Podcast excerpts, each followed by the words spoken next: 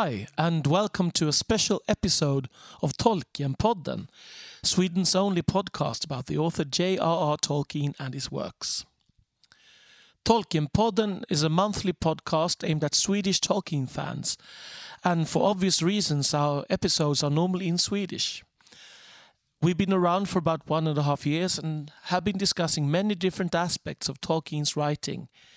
We've done a character portrait about Gandalf, the, the importance of death as a theme in his writing, the different films based on Tolkien's books, and amongst many other subjects. For Tolkien fans, the city of Oxford is a special place. And uh, this summer, my co hosts Adam Westlund and Elisabeth Bergander and I, Daniel Möller, went there together and recorded two episodes of the podcast as we went along sharing our experience with our listeners while visiting Tolkien related landmarks. Our main reason for going this summer was the deep delving Tolkien exhibition at the Bodleian Library. During our stay, we had the opportunity to interview some really interesting people with special insight into Tolkien and his writing, who generously gave of their time to talk to us. After releasing the two episodes in Swedish, we realized that the interviews might be of interest to non Swedish audience as well, and uh, that is the reason for this special episode. We start off with an interview with Catherine McIlwaine, who is Tolkien archivist at the Bodleian Libraries, as well as the curator of the Tolkien exhibition there. And that sounds like a dream job for a Tolkien fan. She is also the person responsible for the beautiful accompanying book to the exhibition, Tolkien, Maker of Middle Earth. So, what, what's the reason for doing this exhibition now? Mm. Well, it isn't an anniversary. A lot of our exhibitions are based on like a 200 or a centenary mm. anniversary. Um, but it's over 25 years since we had a specific Tolkien exhibition at the Bodleian. Yeah. And in fact, you know, that's in that time, there's never been another Tolkien exhibition in the UK. Um, so we felt like it was long overdue. Um, there's so much interest in Tolkien, and we do have this huge manuscript collection um, that's only available to academic researchers. Um, so ordinary fans and visitors to Oxford, people who love Tolkien, don't get the opportunity to see any of the manuscript material. Um, so we really felt like it was time to, to open it up and give something back. But really, the, the sort of springboard for it was the Peter Jackson Hobbit films. Yeah. So in about 2012, when we the, the Hobbit films were in production, I think had one come out then, or one, the first one was coming out 2012. You might correct me if that's wrong, but the, the two films then changed into mm. three, didn't they? Mm. And we kind of felt like it would be nice to present Tolkien's own vision of Middle Earth so many people had grown up just with the films and hadn't even read the books, or maybe seen the films first, and then that colours your imagination for the books. Um, so we thought it would be really nice to take people back to the original vision. Um, and Tolkien's a wonderful artist, so we've also got his illustrations of Middle Earth. Um, so it kind of started a bit as a, as a counterbalance to the Peter Jackson Hobbit films. Um, and then it grew into something bigger because initially we were just going to focus on the Hobbit, mm. and um, and then we thought, why are we limiting ourselves just mm. to the Hobbit? I guess that was because of the Hobbit films, and we mm. thought we'll just have a display of Hobbit manuscripts. And then um, quite early on, we thought, why don't we have a blockbuster? Why don't we just you know get everything out that we can about Tolkien, show the man, his academic work, his all his literary work, and I thought if we are really going to go for a, blockbuster exhibition, what I wanted to do was bring some of the material back from America. So Tolkien had sold his manuscripts for The Hobbit and The Lord of the Rings um, shortly after The Lord of the Rings was published mm. to an American university in Wisconsin. And it had been shipped there in 1957 and 58 in two batches. And it had never been back to the UK mm. since. Even in our centenary exhibition, which we put on at the Bodleian in 1992, we hadn't borrowed any of that material. So this just seemed a wonderful opportunity. So this material went to America 60 years ago and has never come back. Um, and to have the opportunity to reunite it here with his artwork and his letters and personal objects um, seemed too good to miss. So obviously we had to collaborate with Marquette University and um, seek their approval, which um, they've been wonderfully generous, really, with, mm. with uh, facilitating that. Uh, when you started to, you sort of answered that already, talking about the Hobbit uh, as the main. That was the original focus of the exhibition. Exactly. Yes, and quite quickly altered. So, so when you started to plan this whole thing, it was about people loving the movies, especially, or who who were you? Who was the target audience, basically? Right. Well, Yeah, exactly. yeah. I guess my target audience has always been very broad. So I didn't want to put on an exhibition that was only for fans or only for readers, um, but I wanted to put one on for maybe people who'd only seen the films, pe- people who said they didn't even know anything about Tolkien or didn't like Tolkien, um, just people who had no idea of what he was about. So I wanted it to be very broad um, and just be an introduction to Tolkien, but also to contain items that were going to surprise even like the most ardent fan. So, Mm. and I think we have so much material in the archives and, and so much, so many wonderful items in the American archive as well, um, that that wasn't going to be difficult to do. I think you did a very good job of that actually, because most of the time when, when I encounter this kind of exhibition or this kind of thing, I feel that I, I've already seen most of the things, or already Yeah. know most of the things, but here there was actually a lot of new things to discover, I felt. Yeah, that's great to hear. Actually, Yeah. I mean, I mean, you think Tolkien's been gone over so many times. There's so many books written about him, films, um, secondary, you know, literature that you think, Mm. what is there new to discover? But being the Tolkien archivist at the Bodleian for the last 15 years, I've seen so many wonderful items as I've worked through the archive, and I know that lots of it aren't available yet to researchers and haven't been seen. Um, so it's just really great to share some of that excitement that I've had over the years um, with other people, with just general visitors as well, just not the academic researchers who come to the Bodleian. But even the academics are only able to see a small part of the archive. Mm. Um, so for this exhibition, I've been able to delve in across the board from his personal papers to the Middle Earth papers. So it's been really wonderful, and that's with the support of the Tolkien estate, obviously. Um, that we couldn't have done that without them, without the um, generous help of the Tolkien Trust as well, who've financially supported the exhibition.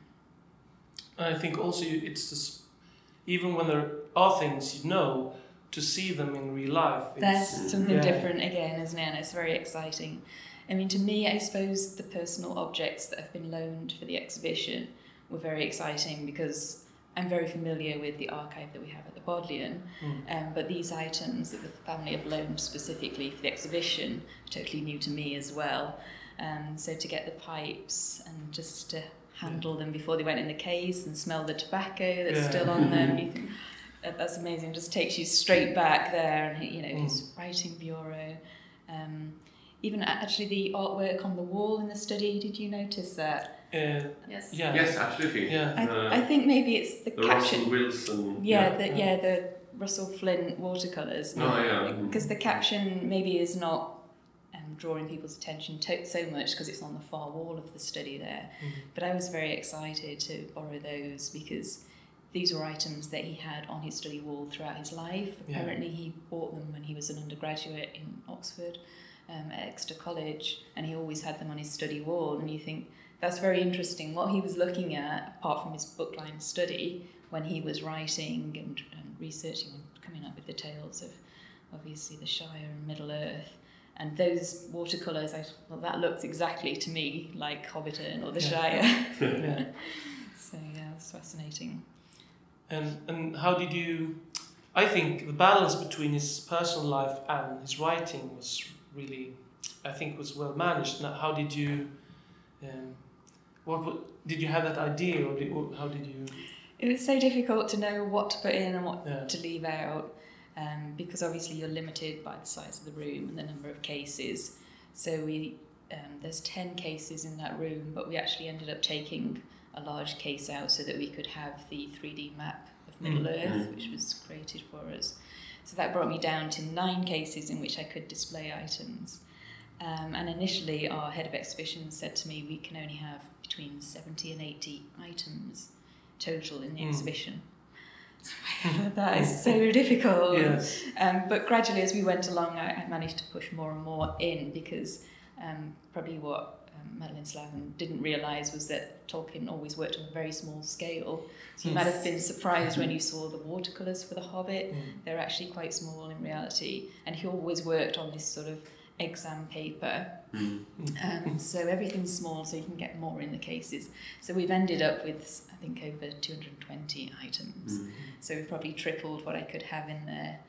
Um, but finding the balance, I, I always knew I wanted to tell something about Tolkien's life, and I think that's very interesting to people. But also puts all his literary work in context.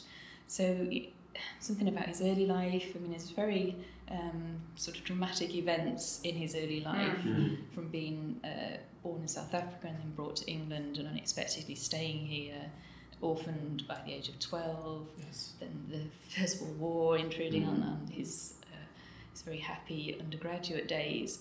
So there's lots that happens there that you can um, think might have influenced his later writing. I didn't want to draw those conclusions for people, but I did want to say this uh, this is what happened in his early life. context. Yeah, the context exactly. Um, and then also I always had in my mind that I would like to show something of the study. So this to me seemed like a really central room in his life. Um, so it wasn't just where he uh, did his exam marking or prepared his lecture notes, um, but it's where the children would come, his own children, in the evening and listen to stories. So what we would call bedtime stories, and I would have sat with my own daughter in bed and told her. His children came into the study, so this was the sort of centre of his domestic life, his creative life, as well as his academic life. And I thought if I can get everything in that room somehow Mm. um, and try and display the whole man, um, so that was always kind of a key idea in my mind.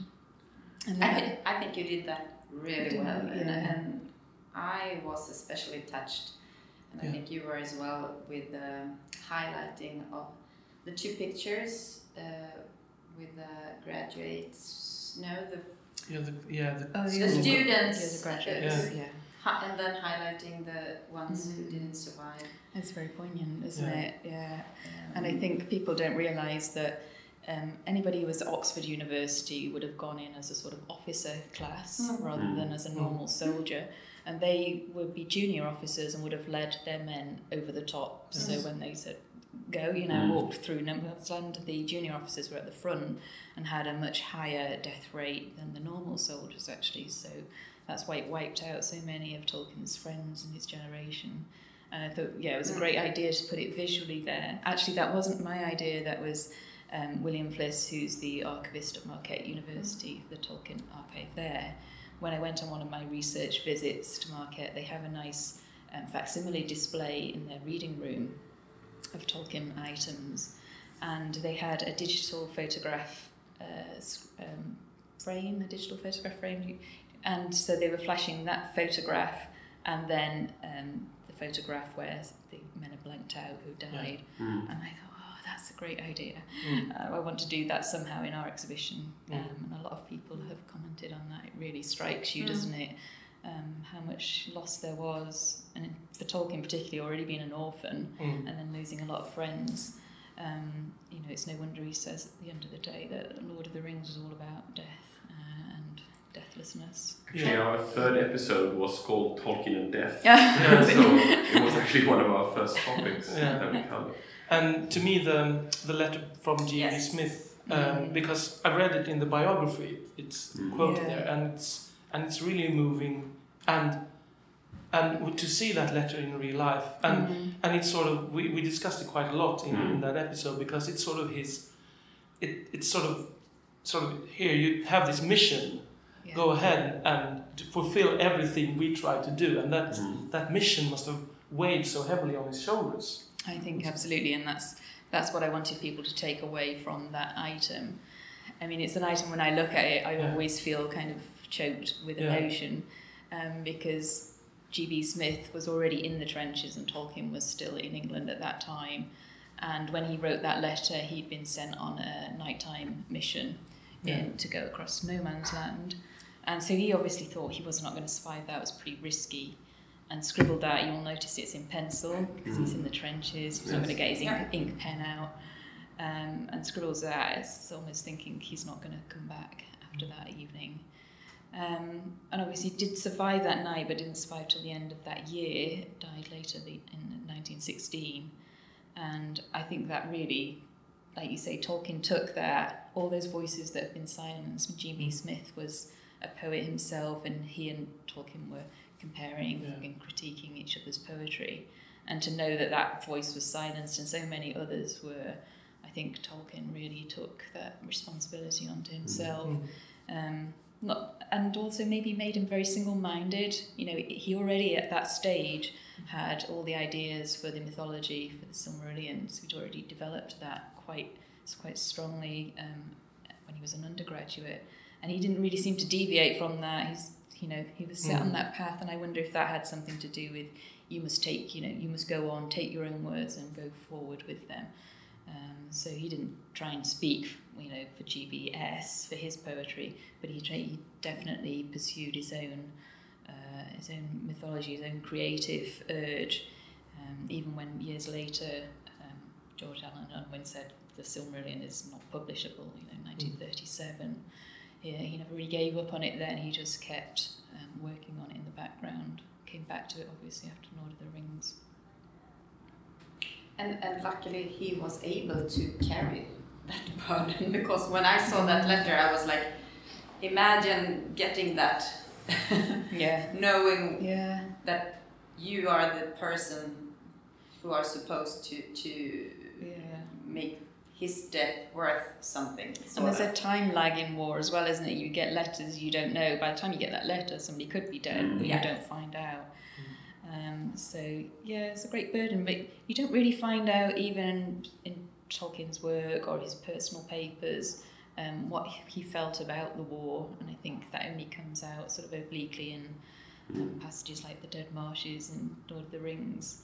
Um, I've never found him, you know, really vocalizing what that experience was like to be in the Somme. No, it's more like he, he can speak about it in theory. Yeah, he can put it. He can put it into a fictional Yeah, context, but um, it's never in his letters. And I also think that there's an interesting duality there between Frodo's almost pacifism to with sort of the the need for violence to defeat evil Mm. at the same time. So I think that's something that he was actually struggling with for many years afterwards as well. That's Yeah. the image that I've gotten from. Yeah, there's an interesting range of, of emotions, isn't there, and a Mm. different range of perspectives that he puts forward throughout the Lord of the Rings. Yeah, relating to war. Um, I don't think he was a pacifist by any No, stretch of the imagination. I think he would always and, and did stand up and fight for what he believed in. But um, obviously, there's different viewpoints, and uh, Frodo's is completely valid after what he'd been through. Mm. Another aspect of Tolkien, I think, for me, got much clearer was was the illustrations, the, the Mhm. drawings and the paintings, and we I've, I've seen a lot of them, and some of I, I haven't seen. But when you saw them all together, you you got this impression. I my my view of his range it became much. He had a much bigger bigger range than what, what he's given credit for, I would Mm. say, and and to me, you can sort of the, the the image of Tolkien for most people is this sort of dry professor, sort of just um, fiddling away in his study. But this, With Yeah. morphology and yeah, yeah, but, yeah, but the art, the, the artist side of him is so much. It's it, he's, he's more of an artist than than people giving him credit for. Yes, would I say. think so, and I, I think that will have surprised a lot of visitors, even Yeah. though we might have seen the illustration in The Hobbit or even, you know, the wonderful artist and illustrator. I think that there's still a lot of people who've read Tolkien, who've seen the films, who didn't realise that they were his illustrations in The Hobbit and that Mm. he was an artist. Um, so many times over the years, I've got out a display of material um, to show visitors, and you know all Tolkien's drawings and maps, and they will say, "Well, who did this drawing? Oh, Well, that was by Tolkien. Well, who did Smaug? Well, it was Tolkien. It's Yeah. all by Tolkien." Yeah, yeah. But I think people find that difficult to grasp because um, he's, he's known as an author, and maybe some of his illustrations, the Hobbit ones now, have dropped out of publications because of expense, or you know, as as um, different generations read it, they want different illustrations. But I've, I've been very struck by the whole range of his Mm. artistic talent, and it, and it seemed to me that throughout his life, he was always experimenting artistically. He Mm. might have been very single minded with his literary work and the mythology and the legendarium of Middle Earth and that writing. But when it came to his artwork, he was always trying new styles. Yes. So you'll see the lovely sort of Japanese style uh, grasses. Mm. And that's quite late in his life. That's in the 1960s. So he'd be late 60s or early 70s then. Um, and he's always trying new things. When ballpoint pen comes to England from America after the Second World War, he starts using it in his artwork. You know, he starts using it in his designs. Mm. Um, and a lot of people have commented on the newspaper doodles. Yes, yes. With which, a Minoan pattern. yeah, it's kind of it surprised me how many people have, have mentioned that to me and in the visitor book. Um, obviously, we have hundreds of those designs, so we wanted to pick out several of them. But those ones that I've selected, all dated from the year after he retired as professor, Mm. uh, professor. Um, so whether he then had more time, when he should have really been concentrating on the Silmarillion, which everybody was clamouring for, then Mm. Instead he was delving into his pile of newspapers and Mm. doing the crossword. But obviously, um, Middle Earth's never far from his mind. So when he gets a nice design, he'll either redraw it onto plain paper or he'll name it, you know, something to do with Numenor, which is very much what he turned to after the Lord of the Rings was the Second Age. One thing that I appreciated was that you included uh, sort of his humoristic side. That's not something that you come across uh, a lot. It's not. I, I don't think he's famous for being like a joking kind of person. Yeah. But this um, uh, question, or This uh, fake exam. yeah, yeah. yeah, exactly. Yeah. and and that shows another side of That, that was really the only item that I could find that would really show that playful side. exactly. And, and I've read, you know, in, in uh, other people's journals, like um, Warnie Lewis's uh, diaries that have been published, um, that there was a lot of playfulness, a lot of banter between the Inklings when they got together, and it, you know, most of it was about being convivial and who had the most witticisms. Um, and I think Tolkien was also something of a practical joker as well, but it's quite fa- hard to find that in Yeah. written manuscript material. Mm. Um, but that little exam, spoof exam paper actually comes from the archive of Owen Barfield. Mm. So I was fortunate enough to be able to catalogue that collection. Um, I did it as a private job um, when the um, material came to the Bodleian. And I was kind of hoping that there would be something about Tolkien in the collection, which was uh, one of the reasons I wanted to tackle it. Um, and that was the only page I actually found relating to Tolkien. And as you say, I thought, oh, this is wonderful because it really shows a, a different humorous side to him. Um, and he was obviously on the walking tour with Lewis and Barfield, although I haven't been able to find a lot more information about that particular walk that they went on. Um, but yeah, very funny and all unanswerable questions. Where do you get off? Compare poetic diction. You know. yeah. yeah. So what's what's been the biggest discovery or or the most interesting object or uh, something like that that you found in this Um, process? I guess as I was going through the collection over many years, um, cataloguing, um, I was really fascinated by the fan mail Mm. because we have boxes of fan mail, and every now and then one of them would leap out and think, Terence Pratchett? Could that be, you know, just, Yeah. you know, with hundreds of other letters. Um, so after digging about and doing some research on that, I thought it must be Terry Pratchett because he's the right age, he's living in Beaconsfield, where Pratchett was uh, the reporter on the local paper. Um, but in actual fact, I didn't get in touch with um, his family and his agent until Terry Pratchett had died, but they did confirm that he was a huge fan and he'd written to Tolkien as a teenager and then had a reply back from Tolkien, Mm. um, which he was delighted with and treasured, but cannot be found now. so Oh. nobody knows where that went to. I, Yeah. I suspect it's tucked away safely in some book somewhere, um, but we don't know where that is. So. Yeah, that was something we discussed. If if Terry Pratchett himself uh, remembered the letter and if he had read it himself since he wrote it, but but he hadn't then. Um, well, his agent said that he'd been delighted to get the uh, um, the reply back Yeah, from Tolkien, had kept it and treasured it, um, but his wife couldn't find it. She didn't know where it was anymore. Yeah. So, yeah, there's such a range of fan mail, you wouldn't expect. Maybe would you?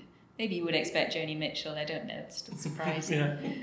Um, but yeah, W.H. Auden, that, Mm. Iris Murdoch, that was maybe the most surprising one to me Yeah. because her novels seem so different from Tolkien's. Yes. Um, and also, he wasn't particularly popular in Oxford academic circles as being this fantasy author. Mm. Was maybe frowned upon, and he should have been, you know, finishing his edition of Ancrene Wisse or something like that. Mm. Um, so for her as uh, an academic to write to him, and say you know how much she enjoyed it, um, I thought was quite interesting and very sort of generous spirited of her. Mm. Well, do you think that? Do you feel that there was any aspect that you wanted to convey to the public that you felt? Like we've mentioned a few things, sort of humor and artistry and so on. But did you feel that there was anything specific that you wanted to convey that you didn't, that you don't feel that people knew that much about, except those things? Yeah, what I was just trying to get across in the whole exhibition was um, the totality almost of Tolkien. So something about him as a man, um, as a husband and father, as an academic, um, as well as the you know extraordinary imagination he had in his creation of Middle Earth. So I was hoping to get a, a whole sort of sense of Tolkien, uh, who he was, as well as uh, what he created. Um, and I hope that's come across well. Yeah. And it's really lucky because I don't know that many people saves everything. I, it seems like we saved, saved everything Yes. later. Yes, I, I, yeah, I think you get the impression of that, all the different fan mail. Yeah. So not just, I mean, not just celebrity ones, but Tolkien didn't know a lot of these people were celebrities Mm. anyway, and Terry Pratchett wasn't at the time. Yeah. But you know, you can see at the end of that case that we've put in photographs that people sent him of places that reminded them of Middle Earth and drawings they did, and he just kept everything. I mean, obviously, he was flattered to get this fan mail, although increasingly became overwhelmed by Mm. it, um, especially um, after the Ace Books controversy um, in America, where they published The Lord of the Rings in a pirate edition, and he didn't get any royalties, and this created a huge storm of publicity. Um, which was good for Tolkien ultimately in The Lord of the Rings, um, sold more and more copies. And so after that point, you can see the fan mail increasing, particularly from America. Mm. And I think Americans are more likely to put pen to paper and to write to their favourite author or to Mm. say, I'm doing a school project on Tolkien. Can you tell me your, your favourite colour or something? And I think English people are a little bit more reticent about doing that. So um, it, it really took off correspondence um, to the extent that he felt, well, he wasn't able to respond to every letter Mm. individually, um, which he was perhaps he was just the sort of man he was, or it was that generation where he felt he did have to respond to every piece of Mm. mail that he received. So it did become something of a burden when he should have been concentrating on completing the Silmarillion. And they sort of opened new ideas for him as well because he got questions that he hadn't. Yes, Well, absolutely. yeah, Yeah, so yeah. Oh, mm, I have to find out the backstory for this now. so, yeah. Yeah, there's a special file where he took out interesting letters that he'd received from fans' correspondence. Um, as you say, which brought up interesting points, you know, Mm. who were the other two wizards, Mm. the things that he had to consider, and he put those in a special file where he'd Mm. start writing long draft replies. So that's very interesting. Yeah. You almost get the sen, the sort of, im, the, the what would you say? The Impression. The impression, yeah, that that he didn't really want to finish it. So- I, I feel that with the Yeah. Silmarillion Yeah. that it maybe got too big a task after The Lord of the Rings was published Mm. with all the material that went into the appendices and then got that fixed in, Mm. a, in a form that he couldn't maneuver too much with. And then all the different versions that he had of the stories, it became too much for him Mm. um, later on in life to do anything with. But also, I felt as well that he also wanted to keep altering things, keep Mm. keep adding to the languages, keep adding to the, the annals and their Yeah. stories, and really didn't want it to end. That, Mm. That's how I feel. So anything you you regret that you couldn't show in the exhibition? Oh yeah, Something lots. special. yeah. yeah. What's what what do you what do you wish? what what couldn't I put in? Yeah. Um, well, when I went to um, the American University Marquette, um, I actually chose 12 pages from them, um, and they've got a wonderful collection. Um, so, one of the items I would really like to have included as well, but there was just limitations on space, um, was the draft page when the from the Lord of the Rings, um, when the hobbits meet Strider in the Prancing Pony and uh, Strider at that point is uh, called Trotter. Yeah. And he's a hobbit, Mm. a small brown hobbit, and he wears clogs, and that's how you can hear him trotting Yes. along. Yeah. Uh, and that was a wonderful page, and it was beautifully written. And in the centre of it, it had the letter from Gandalf um, that was left for them at the inn. Um, in, in a very nice hand. Oh, I really like that. Yeah. Um, there was some wonderful plot notes as well. Um, the difficulty with those is they're quite um, it's quite difficult to read. Um, where he's saying, "Oh, too many hobbits," and then, Mm. and then he's underlining that. A, um, and he calls the, the character Frodo is initially uh, Bingo Bolger Baggins, um, and he's um, must change this to Frodo, and, and underneath. No, too used to bingo, and you know you, you can Mm. just see him having a conversation with himself Yeah. and some of these notes, which are absolutely wonderful um, but a little bit difficult to read. So I thought I have to pick really Mm. one set of plot notes, and so I chose the ones for the Hobbit, where the name changes come in. Um, I think the one item from the Bodleians collection that I would have really liked um, is in the catalogue, but it's, it couldn't go in the exhibition. Um, was the coiled dragon with the quote from Beowulf on it. Mm. This is a beautiful little drawing. It's, it's on a normal size page for Tolkien, um, but it's quite small in the centre of that page. And um, it's bound with other materials, so I had to choose between that or the Land of Pohja. Mm. Mm. And I was very keen to get in the, the Finnish uh, influence on Mm. Tolkien, on his Elvish languages, on the, the, the you know the germ of the Silmarillion, really, and the Kalevala story. That I felt I had to have that and leave Yeah. out the Coiled Dragon. Mm. Yeah, you, you can't get everything. No. But speaking of drafts, I was delighted to, to see the, the Ride of the Rohirrim in there because that's actually my favorite page in his entire bibliography. Oh wow! is So it? I almost sort of pressed my nose against the glass while I was reading that one. So Yeah. they, they wished that they could have Yeah, that was the while- moment when we all wished we were allowed to take a, a picture Uh. because just looking at Anna, seeing Did you hit your head on the glass? No, almost. I poking my nose against the glass. Yeah. almost. Yeah, Yeah, He's been quoting that passage quite a lot in the Oh. podcast. almost every episode. yes, yes. See, just, so it could be the, the other page. It could be in any page. And what's that page? Yeah. Well, I, the reason I selected that, I wanted one page which would show the whole process of Tolkien working. So him writing in pencil and then writing on top in ink, Mm. and also it being on the exam script paper.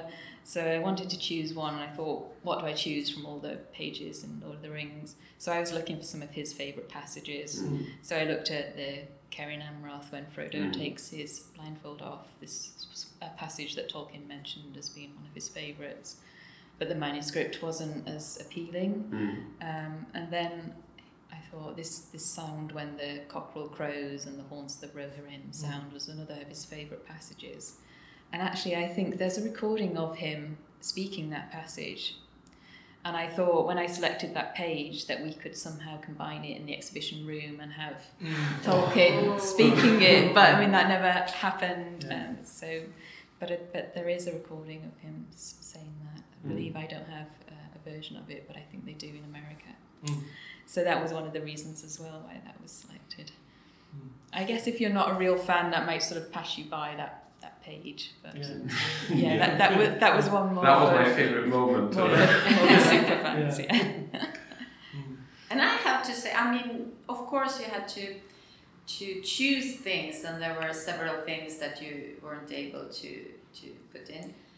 Uh, but when we came into the room, I think both, especially Daniel and I, Mm. looked at each other and said, "This is quite a small room." Yeah, so Yeah. a lot of people have said Uh, that. A- and after starting to, to look at things, we realized that even so, there were so many things Yeah. Yeah. to Yeah. see, and and uh, as we just said, we we spent two hours there. Um, Yeah, I think I, I wrote a lot more text for the captions initially because I wanted each item to have a separate explanation. But then, as they came to install it, um, the exhibitions team said there's just too much here, there's too much for people to look at, so they've got to look at the text, then they've got to read your text. And so a lot of it was really heavily cut down, which was difficult for me. But I thought, well, you know, I've got the book there, um, and I was able to put most of what I wanted into the publication. Um, but it, yeah, it was very hard to cut down the captions. But really, you know, you've got to consider the visitor and how much time they can spend in Mm. there. I would say normally 45 minutes in any sort of exhibition before people start getting tired and start, you know, Mm. not being able to take in any more new information. Yeah. So I didn't want to load it with my words and my captions. Mm. You want Mm. people to really appreciate, you know, Tolkien's own work. So. Hmm. Yeah.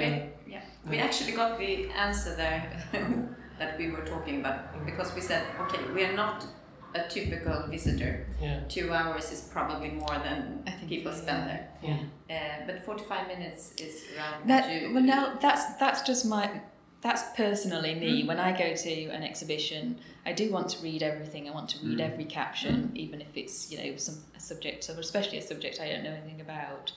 But I would feel quite tired after about forty-five minutes. Mhm. The small of your back starts to ache from just sort of like shuffling slowly round and leaning over cases. Um, but it will be interesting to get some more data at the end of Mm. the exhibition run because we're doing quite a lot of uh, analysis of how long um, visitors spend in there. So that will be interesting. How many visitors have you had so far? Uh, we had uh, 21,000 in the first six weeks. Wow. yeah. wow. And how and how long is It's on for five months. yeah. Yeah. How many did you expect beforehand? Has it been more or less successful? We- than you? We hoped for in the five months for 100,000, but I think it's going to be more than that. I mean, it's it's the first exhibition where we've ticketed it, so we've Mm. got these time slots, and although it's free, and people have to either book in advance or come on the day and try and get their tickets. Hmm. And I know at busy times people are being turned away at the weekends. Hmm. people will get turned away. So it was actually felt maybe we're going to, well, we are going to limit the numbers in the room, that's for sure, because we only Mm. have, we're only supposed to have about 70 people in the room at any one time, which I was very much in favour of because I hate going to exhibitions where they're too Yeah. crowded and you, Hmm. you're getting hustled or you can't Yeah. really see what you want. Um, but we felt in doing so, in, in, in ticketing and having the time slots, we might actually depress fig- uh, visitor numbers because it would put off the very casual person. mm. Um, somebody would just come in and nip round our exhibition room in five or ten minutes and think, oh, I'll come back next week. You know, if you're local or if you Mm. work at work at the university or in Oxford, or if you're a tourist and you haven't planned your day and you just wander in, usually to Bodleian exhibitions. So um, there was a fear um, that it might keep the numbers down, but that doesn't seem to be happening. So. I think I think it, it felt like it wasn't too crowded. It was Yeah. yeah. You, you, you It's, get it's fairly busy, but it's Yeah. not overcrowded, and that's to do with how many tickets we're releasing in each Mm. half Mm. hour slot. The interesting thing was that when we were leaving, we, we had bought, bought the book, all of us, and a few other books, and we were carrying around these plastic bags with Mm. the exhibition. Yeah. And we were asked, I think, three or four times on in the following 10 minutes Mm. What this was and where it was Uh. by, by sort of tourists on the street. yeah, yeah. It's incredible. Rosie and I have done so much publicity, and it's like people still don't know Yeah, what and it, we've seen, what we've it seen it is. everywhere Yeah. here as well. Yeah. So, so we, we were wondering like how, how can they see How much our more can I do? but not all the, the posters and And seriously, the first question was around the corner. yeah, Yeah. yeah. Less, 200 meters away. Yeah, exactly, Yeah. much less than a block away. Yeah. Well, so We the were carrier bags are really Yeah. working. Yeah. You know, they're, they're a great publicity, and that was uh, our, our head of retail who came up with that idea, and they're Mm. lovely, Yeah. aren't they? Yeah, I must Very get one nice. actually. yeah. But you you mentioned um, sort of Tolkien's um, position in Oxford as as this sort of fantasy writer, in, um, and and was frowned upon. How what's his status now here? Would you say in this town? Um, I think that fantasy genre is still not quite, still not very high up on the curriculum at Oxford University. Um, and if the people are studying Tolkien at Oxford, they're usually looking at him as a medievalist Mm. uh, Anglo-Saxonist. Um, so I don't think there is a big program on fantasy literature yet in Oxford, and that's probably similar actually in other universities Yeah. throughout the UK. Um, maybe it's not seen as high literature. I, I don't really understand that. There's this kind of division of fantasy being um, um, not as critically acclaimed as other literary works, and that Mm. was the same. You know, when the Lord of the Rings came out, and a lot of the literary reviewers were quite snooty about it, but the public loved it, didn't they? And bought it in huge numbers. Um, so I don't think it's just peculiar to Oxford that we're not teaching fantasy, but Mm. I think that's very slowly starting to change through Mm. other UK universities. Um, and there's such a long, rich tradition in Oxford, it's quite strange that it's ignored, really. But I would say that um, what's his name? Uh, Lewis Dodgson. What was his name? Oh, uh, Lewis Carroll. Yeah, Lewis Carroll. Yeah, uh, Uh, that's his. Yeah, Dodgson is his real. yeah, yeah. yeah. He, he seems more present here in many Mm. ways than Tolkien. Not right now because of the exhibition. Yes, And, yes. but I've, I've been here for quite a few times in Oxford. I, I would say sometimes it's hard to find the traces of it Yeah. in, in a few places. I don't know why Alice in Wonderland has sort of taken off so much. It's a really sort of marketing phenomena, isn't it? Yeah. And even we have um, a huge new shopping centre Yeah. at the west side of town, the Westgate Shopping Centre, which opened last year. And the theme of that is Alice in Wonderland as well. Yeah. Um, so there's this connection between Oxford and Yeah. Lewis Carroll. There's a lot of Inspector Morse. Yeah, Yeah, yes. yeah, And even quite a lot of Harry Potter. Yeah. All of those things are sort of almost eclipsing Tolkien Yeah. uh, in in sort of outside of the exhibition Yeah. area. Yeah. Yeah. We're actually going to meet uh, Stuart Lee. Oh, we, he, he might give you a different answer about uh, um, fantasy literature in Oxford because yeah. he is um, obviously an Oxford academic who's teaching and interested in fantasy. So. Yeah. Mm. But he might be. Yeah, it might be interesting to hear different. Yeah, of course, of yeah. course, yeah. Yeah. Yeah. So we're really thankful for letting time, you. Yeah, the time and, Okay, and all your insight. thank you. Yeah. Thank you very much. Um, and this the, we're, the exhibition is really yeah it's we I, I would say the two hours flew by Mm. Yes. quite You, you were completely shocked. yeah maybe we've been here one hour and then I looked at how much Were you hungry? yeah we did the time oh, yeah Yeah, it's great to hear your feedback on that. Thank you. Uh, can I also just ask sort of a, a more detailed question? Um, are all the items in the exhibition in the book as well? Because I No. just, no, okay. No, So, they were supposed to be. So, um, because we knew that when we started planning the exhibition, we wanted to have an exhibition catalogue, which is not something we often do Mm. because it ties very much the sale of the book to the duration of Mm. the exhibition, Yes. which is not going to be more than five months generally at the Bodleian. Um, so, this was something a little bit unusual um, that we were not often doing at the at the library. Um, but it means that you have to um, determine the exhibition items quite a long way in advance because the book is written before the exhibition. Mm. Uh, so the book was completed by 2017 Mm. and it took me a year to write, so starting 2016. So before that, Mm. I had to determine with um, Mm. with the help of head of exhibitions exactly what was going to go in.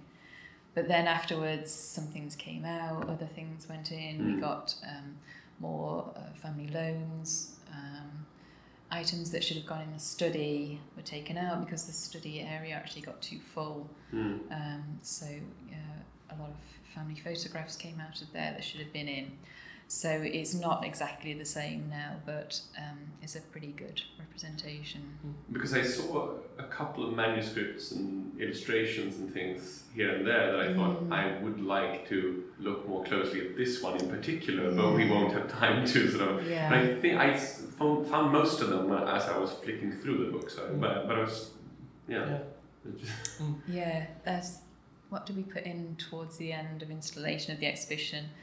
The fan mail on the the right hand side of the case, so from non celebrity Mm. fan mail went in. Um, more objects from the family, um, known by the family, which aren't in the book. Um, items came out, family photographs came out. Um, yeah, it was very, very fluid as it was installed, and a lot of that is design uh, decisions taken by the exhibitions teams. They say, this looks right, this doesn't, this is too crowded, and it's mm. got to go. Mm. Um, so I just had to cry in the corner and get on with it. Yeah. Uh, oh. Yeah. Can I just say that I think you have an amazing job? yeah. I would love it. yeah. yeah, I love it. And thank, thank you so much for a very well done exhibition. We Yeah. really, Oh. really enjoyed it. Okay, Yeah. that's Absolutely. brilliant. Thank you. Mm. That's great to Thank you hear. so. I sometimes nip in and have a look at the visitor book comments. That's Mm. always gives me a good feeling for the day because Mm. there's so many wonderful comments and people always seem to have had a very strong emotional rela- reaction Yeah. to the objects as well, which has taken me by surprise. You know, it's like Mm. I was moved to tears by this or that, and I thought, Mm. oh, this is yeah, that surprised me as well. this is Yeah. interesting, Mm. isn't Yeah. it? Yeah. Mm. Because we, we, we left the building, you sort of felt a bit empty Mm. and, and sort of filled up as well. Yeah. Sort of at the same time. Yeah. Yeah, I think one of the things that moved me the most were the little sketches of Edith from behind. Yeah. uh, That's lovely, isn't it? because yeah. I think that there was something you could really feel the gaze, the sort of the Mm. love in the way that he was Yeah. looking at her in those sort of everyday situations. So I really liked that one because it Yeah. felt very sort of profound yet simple. Yeah. I thought we were going to lose that at the last minute because it didn't Mm. seem to fit in the Mm. other points in the case. It's just on a little stand on its own. I was like, don't take out Gipsy Green. because again, there's nothing else quite like that, I don't think, in the No, it exhibition. It's definitely very, added very sort of a- personal yeah, sketches of family life. Added another sort of aspect or layer Yeah. to his, his So- sort of the image of him as a family man, Yes. father and husband. and this so great love affair that they had Mm. over 55 years. It would be interesting to see how the movie uh, that is coming out will, It, will the, tackle that. the biopic Yes. Yes. Right, yeah. I, I don't know anything about it. I thought there was two in production actually at one point. Yeah, but one seems to have progressed by far now Right. With a Finnish director. Okay. Yeah, they've done most, they've done the casting there. I think they're shooting right now. Yeah. So that's- Interesting. So hopefully it's it's it's good if not accurate because biopics never are really accurate. yeah. Yeah. It's sort of so it has to be a sort of fictionalized version as well, doesn't it? Yeah. Well, they really, yeah. Tolkien's early life has got enough drama in it that you wouldn't really need to fictionalize anything to make a great No. story Absolutely. out of it. Yeah. Mm. Yeah. Thank you. Thank you very much. once Yeah. Return. Next up is an interview with Dr. Stuart Lee, who works at the English faculty at Merton College. Dr. Lee started off studying Old English but has since done a lot of work on World War I poetry as well as Tolkien. Among other things, he's a co writer of the book The Keys to Middle Earth, which is a way into the world of medieval literature through the books of Tolkien. He has also edited the Routledge four volume critical assessment of Tolkien. We read a bit about you, and you seem to have sort of the same interests, sort of the, the old. What would you say? Uh, we, we tried to compare your interests, and we found out that you have the English interest and fir- uh, the First World War poetry interest. Yes, Yeah. yes. So that sort of makes us wonder: is is Tolkien the reason for your interest in these areas, or is it the other way around? Um, Or are they uh, not right, connected they're at not all? connected at all, really, but they do seem to be. Yeah. As, I, as I, I got to a point in life and I realised they were all connected, but it wasn't by plan or yeah, anything okay. like that. Yeah. Um, so to, maybe to start with Tolkien, so I got interested in him when I was a young, you know, a teenager. Um, m- partly because my friends started doing role-playing games around this was, Yeah. you know, at the time when Dungeons and Dragons was out, and we were just playing them at school, and I started to read fantasy literature. But also mainly because the BBC did the radio dramatisation Brian Sibley's one, Yeah. which was really important a lot of people listened to that. Mm. So then I read the books and I kind of just enjoyed reading his, you know, his novels, but I read a lot of fantasy literature at that point. Um, and I remember I was at school when I asked my teacher when I was doing A levels, which is when you're 16 to 18 year old, um, you know, why don't we read books like Lord of the Rings? And he said, well, it's too long, was his answer. um, but then he said, well, why don't you read this? Because if you're interested in that, you might be interested in this. And he gave me Beowulf, which you will, of course, know, and being from Sweden. So, um, so I read that in translation. And then when I went to university, uh, doing English, I concentrated on Old and Middle English, and at that point Tolkien kept reappearing in the, but you know, just as a, I hadn't made the connection, but then I did that he was an Anglo-Saxonist in uh, Middle English, and then in my last year at university, I did a special essay on the influences of um, medieval literature on Tolkien's fiction, so I could bring it all together. Um, and then he kind of went away, and he was just there as you know, just read him every now and then and watched the films. Um, and it was more in the 90s because I've been teaching English here, and we were noticing there was a big problem with Old and Middle English medieval literature take up, and um, I just remembered having a conversation with the professor of Anglo-Saxon at the time and saying, why don't we make more of the connection with Tolkien? He was an academic here. You can see a lot of this poetry and literature in his work. We could do a lot more, and he was a bit dismissive. But I just went ahead, and we, and then with a colleague, we started running some lecture series. So that's how Tolkien grew in the books and everything. But he was always there. The First World War poetry was completely. I I enjoy. I always enjoyed reading it. Um, and then in the early 90s, I came here, and my job here was to do uh, computer based learning for English literature. So I sat down and I wrote a program around a World War One poet, and I gradually worked more and more on the world, the war poets. So that's my other area of expertise. And now it's kind of Tolkien was in the war, etc. And so it goes around in a sort of weird triangle circle. But there was no plan, but it is all there. So I can be picking books about Tolkien and reading about the First World War. I can be reading books about World War One poetry, and you know, occasionally reading stuff about medieval literature in it, and you know, Mm. That's so, Yeah, that's very well connected. All Yeah. Yeah. well, yeah. It, seem, it seems like yeah, it's it was meant to be. So It does seem like it's meant to be, yeah. And then, the- and actually, what you also for, when you're in Oxford, you, you know, I'm at Merton College. That was just sheer chance, but it was Mm. Tolkien's last college. Yeah. Mm. So you know, I'm in the places, and I know his where his rooms were and everything. And you know, I go down the English faculty where his bust is, right opposite the house where he finished the Lord of the Rings. Mm. I never lived in any of the roads he lived in, but I've got relatives up in Headington, Yeah. and you just realise it is all sort of in Mm. some very odd way connected. Yeah. Because we have talked about earlier on that uh, it's not very noticeable R- right now with the exhibition. It's of course Mm. everywhere, and, and you can see signs Yeah. about it. Uh, but apart from that, uh, because I've been here once before, and Daniel's been here Many times. Yeah. like several times, Yeah. and and it's not promoted as the city of Tolkien. No, no. Well, the problem is it's the city of so many people, I Yeah. suppose. So, Yeah. C.S. It's the city of C.S. Lewis. It's the Mm. city of Tolkien. It's the city of Oscar Wilde. It's the, and then you go all the because the university has had Mm. so many famous people over the centuries. It's difficult to say one particular thing. It did have a, you know, there was a bit of interest around when the films were coming out. People would come here for that, and there are walking tours and so on. Um, and there's a plaque up on one of his houses, but Yeah. only Yes. You photographed. you it. photoed Yeah. it, but you, you're only allowed one blue plaque Mm. for a person, so you have to decide which one. Oh, okay. Mm. Yeah. So they went with the one up in Northmoor Road, isn't Yeah, it? Yeah. yeah. So so it's not in Manor Road, which is you might say, well, that's equally important house, or on Merton Mm. College.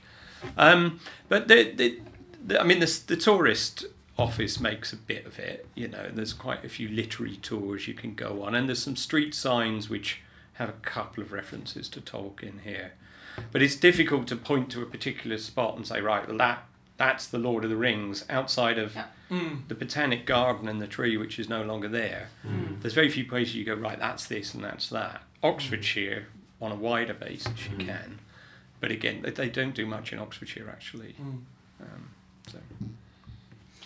And sometimes it feels like they are focusing a bit more on, for instance, Alice in Wonderland. Yeah. Um, Yeah, Inspector Alice. Morse. Yes. Yeah, Morse. Yeah, well, there's exactly. There's so many things you can. I mean, they all concentrate on different things, but Mm. Alice is. Alice is quite important, you know, because there's a big market in Alice, and you have the shop, which was the shop in the books, and you Yeah. can point to uh, Mm. Christchurch, you can point to the river. So the setting is kind of Oxford, Mm. and it's a lot of jokes and a lot of you know quite Yeah. clever things in there. Um, with Lord of the Rings or with Tolkien, you'd say, well, where where would you actually point to Mm. a physical location?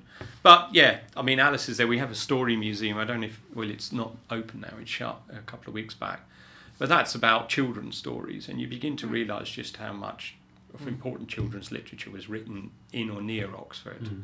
Um, but yeah. Why is that? Do you think? Um, that's a good question. I think there's so many different reasons. Mm. Um, Oxford is a big humanities university. It breeds a lot of people interested in literature, and by consequence, they go on to write.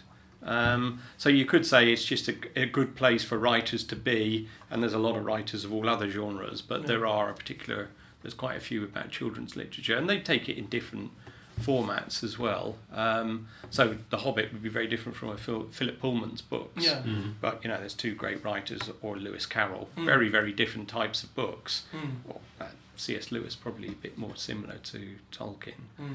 Um, but I, I don't know really. I mean, I just think it's it's a it's a city of of highly literate people, creative people who like to Mm. express themselves. I mean, there are writers abound here, as you can Yeah, imagine. Yeah.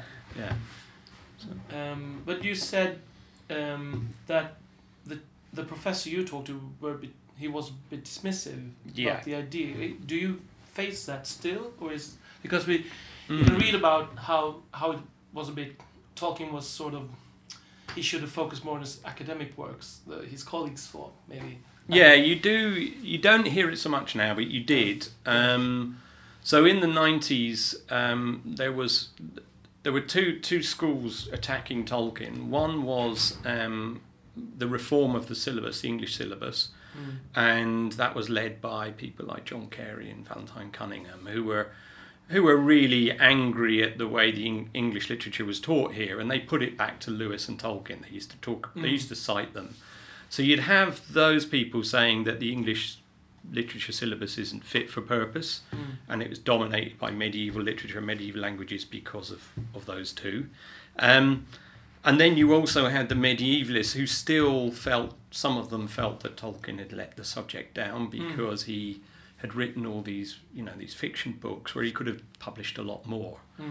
Um, and that, I mean, you know, it's of its time, but I think it's always a bit unfair because, well, first of all, the fiction brings a lot of people to medieval literature, so he probably did more for medieval literature than most people ever Yeah. will ever do. um, he did publish a reasonable amount, um, not as much as he should have, but he did publish it. But it's in the modern in the modern context where you have to publish all the time. You know, he Mm. published what he thought was valid or reworked it. Um, and also, I think um, was I going with that? I think yeah, the other thing which people forget is his contribution to teaching, which was immense. Mhm. I mean, he lectured um, all the time on all kinds of subjects. He would fill in. He basically was our sort of our professor of Norse literature for a period. We Mm. didn't have one, Mm. and he would teach and teach well beyond what was required of a professor of, Mm. of his status, um, because he, he just enjoyed teaching and he thought he got a lot from that, and he supported a lot of students going through. So whilst you might say yes, there's a lot of work in his notes that should have been published, it would have been great. Or if he just finished something, you know, because he was Mm. continually meddling. Um, he did so many other things that I think it's well, okay. Yeah, um, you can wonder how he got the time for everything he was interested in because Yes, yes. Well, he did write a lot, and he devoted a lot of time to his family, Yeah. which um, you know, usually it's usually one or the other Yeah, nowadays. yeah. But yeah. and and we Painted a lot. Yeah. Yes, yes. He painted. Yes, yes. I mean, we also saw both in the exhibition, of course, we've seen it before that his uh, his lectures were very popular. We saw a lot of, you know, they had uh, old Yeah. letters from his students that had written that it wasn't just very sort of. We didn't just learn a lot; we also enjoyed it every time we got to have you as a lecturer. and so. Yes, yes. Well, there's two schools of thought on that because you'll often hear from some, some people will be very critical of his lectures Mm-hmm. that he wasn't, you couldn't hear him. Um, I think it was C.S. Lewis says he, he talks in footnotes. He would often digress, and if you've seen some recorded footage of him, you'll you'll know what that is, and Yeah, you yeah. can't quite hear what he's saying, or he just goes off on tangents. Um, but then there's other people who, who say that's just not true, and you know we, we, we, we could hear every word, and he would perform as well. And when you read his lecture notes, because there's there's quite a few survive in um, in Bodley, um, not only does he he, he works far more on his lectures than I ever did. Uh, you know, he, he's really in there, and he refines them and rewrites them and sort of retunes them. But they're funny as well. He, he has lots of funny examples in there or asides about daily life. It's not just really, really dry. He presents them in a really, a really good way. And some of the stuff he did for the BBC he wasn't on there very often, but you can you can read it, and it was just great. Mm. You know, it would have been would have really w- worked well as a broadcast lecture. Mm. Um, so yeah, I mean, not only he's just, I mean, he was a genius as well. He knew his stuff inside out, and he could probably, probably that's what was happening in his. He was suddenly, oh, I've made a connection now. I'll just bring that in, and Yeah. the students are sitting there a bit baffled. Yeah. And I think that for me, that is also one of the most important aspects of his works. That sort of all of these connections and all of these sort of echoes of myth and history are very important to Yes. what appeals to me in his uh, fiction as well. Yes, the leaf mold as well, which you know emerges. But absolutely, all this. It's almost he couldn't have done what he did if he didn't have that understanding of language and legend and lore. Um, and I think that it's one of those things you see weaknesses in other fantasy writers where they don't have that, Yes. but they think they know it. Yeah. They think they know the tropes, and then they start writing a story, and you just go, "This is, this Yeah. is paper thin." Mm. It's better than that, that if you sort of try to work with your limits instead. Because okay, Mm. I don't, I can't write like talking. Let me try another way. Mm. Yeah, yeah, Yeah, yeah. I mean, I, no problem with Yeah, people writing in yeah, different yeah, styles or yeah, taking yeah. different, but you can see they they're making up as they go along. Mm. Mm. yeah. Yeah. Would you say that is the reason why you keep coming back to Tolkien? Um, in our first episode, in our first podcast, we talked about why we uh, keep coming back to his work Hmm. while other great writers are out there and we read them once and then we keep on going to other things and because of course we all love books in general Yeah. uh, but Tolkien is something that we actually enjoy coming back and discuss over and over in different Yeah. ways. And um, Yeah, well, I, I mean, I guess I come back to them because I enjoy the stories, but there is a depth there, and I think even when you reread them, you always get something new out. Mm. You've missed something because it's so so past, but it it is that that feeling of you know subcreation, which is what he was trying to achieve. You know, you really Mm. do feel that this world works, and the good thing also is he more and more keeps coming out, so we can start. We're getting a, a, a much greater focus now on the Silmarillion legends and you know the Yeah. the whole legendarium in the past, and that's being added to all the time. And the three great tales with with Gondolin appearing later this year, they'll be out now. Yeah. So, and you when you read those, they really are pretty good. Mm. Um, I mean, I know they're Christopher's interpretation of it, but you, I've I've run tutorials on the Children of Hurin, and it you know people engage in that as a quite modern text Yeah. because it is very very dark. yes. Um, it, it, it has you know a good gender balance in it. It has all the sorts of things that people normally criticise Mm. Tolkien for. Mm. The heroes don't get out nicely Mm. at the end. It's you know it's Mm. and it's part of a much wider sort of bigger story. Mm. Um, so those those things are great. So I keep coming back to it because it keeps refreshing itself. Mm. It's very good. I don't think it's been bettered. Um, I don't think anyone has matched it. Um, and also because you, you know we see new connections, and there's a lot of work there still to do. There's a lot of his academic work which just sits in boxes, and people Mm. haven't had a chance to look at it properly. I also think that the Children of Hurin is one of the, the tales where sort of the allusions to Norse and Anglo-Saxon myth are the strongest. I mean, you can see the Yeah. connection to sort of Sigurd and uh, all of that with the That's, dragons. yeah, exactly. Yeah, I mean, people go on about the Kalevala, understandably, but there are other bits in there, Mm. Absolutely, and it's it's you know just classical. colonials, it- No. It's just a great, great story, Absolutely. and it's told beautifully as well. And there's all kinds of characters in there who Mm. appear and disappear and so on. So We have we we've actually discussed that previously, but I feel that it's it ha- almost has some sort of a Shakespearean element to it compared Yes. to many of his other works. yeah, yeah. There's a tragedy that Mm. unfolds Mm. because the protagonist makes it unfold, yes. and at any point they could Mm. change it, and Yeah. um, but they don't. But that's why it's it's such a powerful story. Exactly. And Beren and Luthien is nice, but it's Mm. a bit more fragmented. But. Absolutely. uh, we'll see what Gondolin comes out Mm. like. Mm. Um, but um, carrying on with the so there was there is that atti- or there was that attitude to Tolkien, and it was a bit of a risk running lectures on Tolkien. I think I think they were the first anyone's ever run at Oxford. We ran three or four, and they were incredibly popular. Um, and we've repeated them again. And I ran a summer school on Tolkien. That was mainly for the public, but that proved incredibly popular as well. But what we're now doing, we've worked out there's quite a group of us who are interested in fantasy literature in general. So we're running a school in September on fantasy literature for the public to come. And we're hoping then we can take those lectures and start to build a series. So fantasy literature will start Yeah. to become a more accepted um, genre for study at, at Oxford, which is about time, you know Yeah. because Yeah. it's such an incredibly important Yeah. topic in itself. But it, it, it will get alluded to every now and then a writer, but as part of something else, Mm. usually, or or as a sort of an anti sort of writer for someone like Yeats or Eliot. And then you have all this escapist nonsense, which Mm. people were playing out, Yeah. but no one wants to read that. Yeah, I, I read Tom Shippey wrote a book called Tolkien, Author of the Century. Yes, he did, And, yes, and, the, yes. and the reaction from one of the I don't know who it was, a literary critic I think, who when Tolkien was was voted by the public Author of the Century, it was sort of this it, this can't be right. This is sort of idiocy. Uh, yeah. Sic transit gloria mundi. Yeah. Yeah. yeah, well, Tom was being provocative with that Yeah, title, yeah, and quite yeah. rightly, as he as he normally is. Um, but and it's a great book, as as all his works are.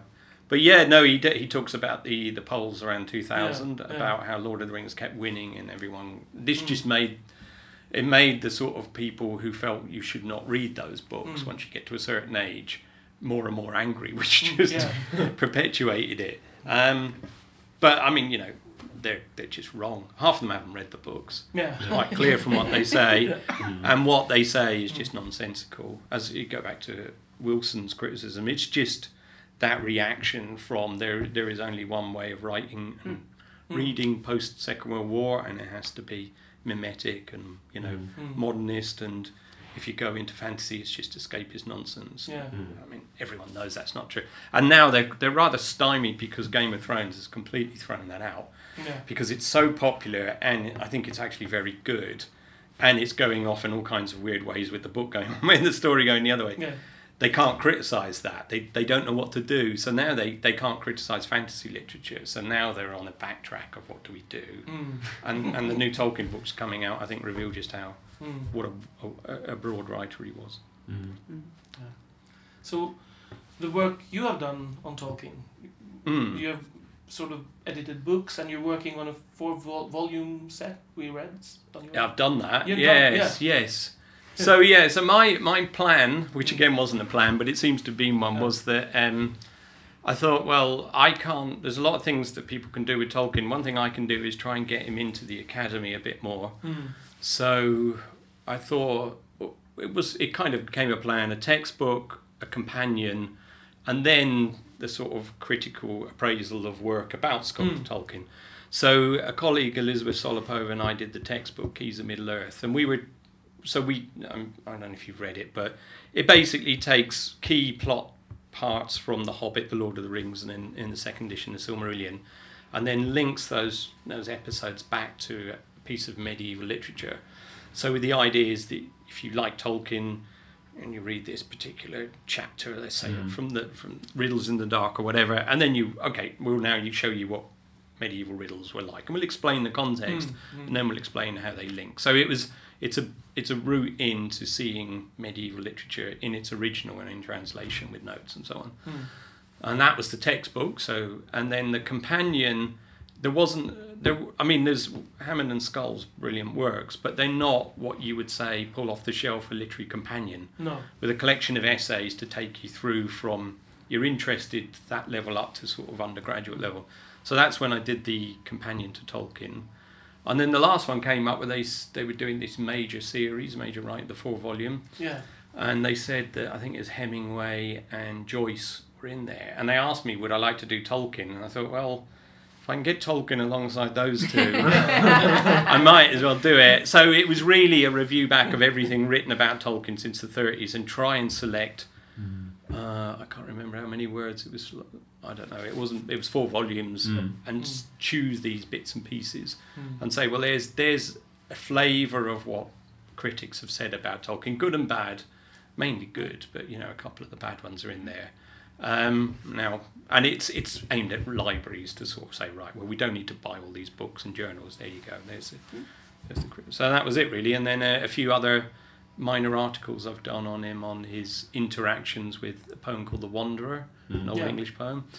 And I've got one on the Battle of Maldon, which is coming out soon. And then, um, and most recently, which will come out in Tolkien Studies at the end of this year, was there was a film made of him in 1968 at the BBC, Mm-hmm. Yeah. Tolkien where- in Oxford. Yeah, I've seen parts of it. Yeah. Yeah, it's on YouTube and on the BBC site. Well, I found the crew that made the film, and so I interviewed them and did a bit of work. But they also, through a tortuous route, we found about an hour and a half of footage with him, which had never been Oh. used. So, Oh, that's very interesting. so I've that's now transcribed and be coming out as sort of all this interview with him. Mm. So, so that's that's my work so far. Yeah, but when going through four volumes of criticism of Tolkien, Mm.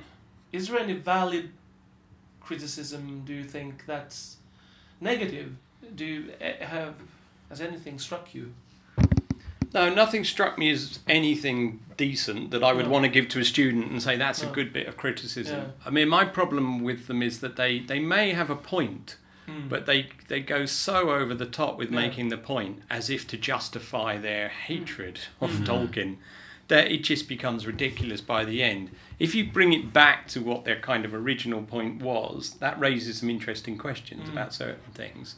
Um, but they, they they're always looking at an angle to beat him up with, and it's just Yeah. silly. So, so yes. So the, if we take the obvious example about the, the, the women in in the, well, there's none in the Hobbit, in the Lord of the Rings, you know, that well they're not there, therefore, and then you can say, well, you're right in terms of like the context of how many characters are in there. There aren't many, Mm. um, but there are a few, as we all know Mm. but when he does them, does he really capture sort of like you know Eowyn perhaps up to a point, but then her complete shift when she decides, Yeah. oh, actually, I- I all along. I want to marry Faramir. Yeah. Oh right, oh well that's interesting, you know, and there's some weaknesses there, Mm. and you go, okay, so that's that's worth exploring, and why might that be the case? And then you start looking at his life, his background, that he was, you know, he was mainly in a male-dominated Mm. society in the army and at Oxford and and so. But that doesn't make him a misogynist. It just means he was he didn't write about those. Mm. But then you look at the Silmarillion in the sort of original version. There's some very strong female characters in there, and that's why I think the emergence of this, the other stories is good because it Mm. creates the balance. Mm. Mm. Um, so there, there are there are elements in there you can go, yeah, okay, you've got a point, um, but you've just gone ridiculous Mm. with it, and sort of like they're accusing him of being um, right wing or a Nazi sympathizer. Mm. It's just ridiculous. Mm. But th- I think a lot of it's an attack on him, attack on his popularity because they can't understand it, an attack on medieval literature by some people who just felt it was dominant. Um, so I have to say, I didn't. I've never really found a great criticism of him, but um, like you, you'll read it, and there are weaknesses in the book. It's too big a book not to have weaknesses. Mm. Uh, but the bit I might think is weak, other people may think is Yeah, really yeah. good. Um, you know, And, and he said that himself. uh, Yeah, in- exactly. I think in the forward too, he said parts that I don't like there seem to be the most popular with the, Exactly, with the, the- readers. So yeah, so there are there are elements of that. I mean, I love the poetry, but some people never read it; they Yeah. skip over it and they, Yeah. they just hate it. And um, Mm. I quite like in The Hobbit the asides by the narrator. I quite, actually Yeah, always quite like yeah.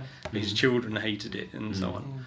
Mm. Um, As a teacher, I I recommend my students to skip and start actually reading about the Birthday party. exactly Mm.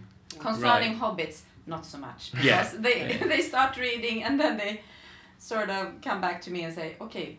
Really? What is this? Yeah, I say, yeah, okay, yeah. skip this part. You Go can go, straight back to to, that story, yeah. eventually. exactly. Start here. but then you can yeah and that's right with the lord of the rings so you start with that but and and again people some people fail after about the second or third chapter with lord of the rings Mm. because they think this is still a children's story Mm. but what they don't realize is he was picking you up from the world of the hobbit and trying Exactly. to move you Yeah. and you do start to move so if you persevere with it and you get say i don't know up to rivendell and then say now look back and see how it's changed Mm. and where he was taking you from and where you now are and then you then you understand what he was trying to do Mm.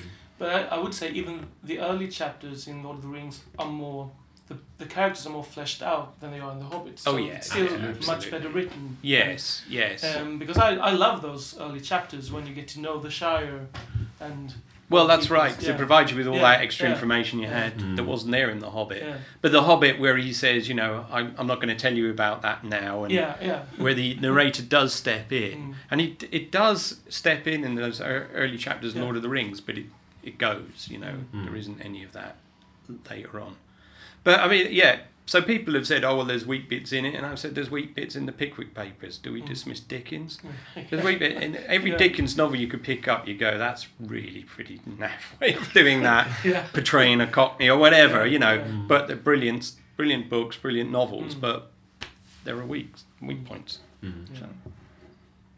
What do you think about the exhibition? Uh, I like it. I like it a lot. Um, I mean, you you always want more. There's bits Yes. you think they could have done maybe a bit more about the Inklings, Mm. but you know what they had to cram in in that space, and and of course getting all the sort of manuscripts and things from um, Milwaukee is is fantastic because you get to see them. And I think it tries it covers many bases in a very very small space. When you think it's not a very big room Yeah. there.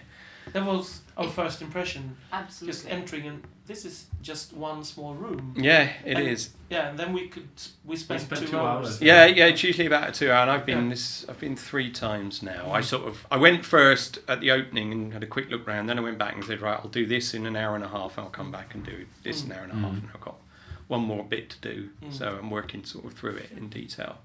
But it's fantastic, and the books are fantastic as well because they've got all the other stuff that didn't Yeah. quite Yes. make it in Mm. there. Um, yeah, no, I, I mean, selecting from now, I, I was kind of aware of the process, and Catherine will have told you about. You know, they started with a list that Mm. long and Yeah. had to get it down to the hundred. She hundred. told us about being heartbroken, Mm. to be forced to let things out that she re- really wanted to. Yeah, yeah, yeah, but they're just confined by that, which is better than the old Bodleian exhibition room, but it's not the British Library. Some people think the British Library exhibition is obviously a really big room, but they just can't do that. Mm. Because the one I don't know if you went to the Harry Potter one at the British Library, that was no No. Yeah. that was vast. You went went room to room learning different lessons. It was, but it was. It's they've just got much bigger space to play with. Mm. But I think it's really good. I think it does tell the journey. And people I know who don't know much about Tolkien came out really enthused by it. And the artwork is, I think you're seeing it face to face is, Mm. is Yeah. astonishing. Yeah, we, we went away with that impression. Personally, I think I I've always liked his his paintings and drawings, but but now I sort of taken in context. They Mm. they he's he really is he was an artist as well, Yeah, and uh, a really personal expression. And, and as she Catherine said, um, he ex- experimented a lot, and I would say he experimented more maybe in his paintings than in his works, in Mm. writing in some parts. Because yeah. some of some of them are really modern and abstract and Some of those early ones Yeah, are yeah. yes, yes. Then you get to the more like the traditional illustrations for the. Hobbit. But then he's done he's used different styles and different techniques with that, which are really I love his his pen and ink ones are just Yes. astonishing. Like the, the, light Misty dark. Mountains. Yeah. Exactly, Mm. yeah, or the trolls. It's just Mm. really, really, really good. mm, Mm. And yeah, and the newspaper cuttings with the doodles on, Yeah. where you can see Mm. him playing with motifs, mm. things like that. so it's he's under underappreciated as as an artist. I, I- artist, I would say. I think he Yeah. is, yeah, yeah. But that was that period in that you know Mm. that when you came out the Victorian Edwardian, you were taught art. It wasn't frowned upon, and a Mm. lot of people used it as a recreational through the tens, twenties, and thirties. Yeah. Mm. It died down a bit after that. Yeah. Hmm. Our thoughts was um, mainly that this exhibition actually gave a variety of people a lot. Both, as you Mm. said, those who, who hasn't read everything uh, about Tolkien and do not know everything. Yeah. Sort of. And um, I mean, I think we know quite a bit. Uh, and still, we got plenty from it. Yes, yes. Um, Yeah, that's that's very true. Actually, a very good way of putting it. Because you'll see people in there, different ages, and you can guess different experience. Mm. Um, but yeah, they get something from it. I mean, my mother went and she she's read the books, but she came away saying, "I never knew he was in the war, and I never knew about you know what had Mm. happened in his schooling and and Mm. so on." And and the pictures leap out, whereas. Probably you and I would sit there or look at a manuscript, just read it Yeah. intricately. Oh, that's interesting. That Yeah. word has changed there. Yeah. Exactly. So we yeah, we did that. Yeah, exactly. yes, quite. And yeah, and that's like that with his manuscript. If you ever sit down with them and work with them, you can spend Mm. hours on a couple of pages. It's extremely interesting where there there are comments uh, Yeah. on the side, and then he changed something, and then he wrote down his entire thought process on the side. Yeah, Very absolutely. To see those. Yeah, and and again, that's why there's so much work to do because he did annotate. He did write Mm. lots and lots and annotated and worked it all, so you can at least see sort of things changing. And Christopher did brilliant with the history of Middle Earth, but he didn't capture everything, Mm. Mm. and stuff keeps coming out again and again. So. And in a way, that is completely insane that he didn't capture any, everything with 12 books. I mean, No, no, that tells you absolutely. something about the, It does. the, sort of Yeah. the width of the subject. It does. It's very true. Yes. Yes. And um, what what would you say were your favorite parts of the exhibition, if we if you have to choose? What was most interesting for you? Anything? Um, I think seeing some of the uh, some of the books. I hadn't seen the Book of Lost Tales exercise books. Mm. Um, I don't know why I hadn't seen them, but anyway, I haven't seen them. Um, there were a couple of maps in there which I hadn't seen, um, mainly because I've never gone and looked at the maps. Uh, I like the interactive map itself. Mhm. That was quite fun, but you know, a lot of people were glued to that and Mm. seeing the trails and so Mm. on. Um, there was there was the very powerful picture of these the, the, the first year students at Exeter, Mm. yeah. and then superimposed on the ones that were killed in the Yeah. war. yeah. Mm. And I've seen things like that done before here because it's we're in 2018, so we're 100 years after the end of the war. So the last four years have been a lot of ways of trying to show you the scale of that. Mm. And so I thought that was that was really nicely done. And similarly on a scale that the number of books printed in different languages. When you know Mm. you go in and you just see, oh, this is this is why he's so amazing, Mm. and why everyone around the world knows who he is because you Mm. can just see all the stuff. Uh, yeah, a lot. But I, I, I was I, the bit I really want to do a bit more is on that book of lost tales and Mm. Mm. um, all that exhibition a bit more, see what's in there. Um, but I can go back to it, of course. Yeah. when the exhibition shuts, I can go back to some of this. Yeah. But do you have any plans in, for the future about working, delving deeper into Tolkien's work in any way or any? Um, I don't know. I feel I've done my bit. Yeah, yeah. Um, there's a couple of things I was going to follow up on. There's one with um, just as doing the work on the TV show, I found the script for the BBC radio show from the 50s, or the first part.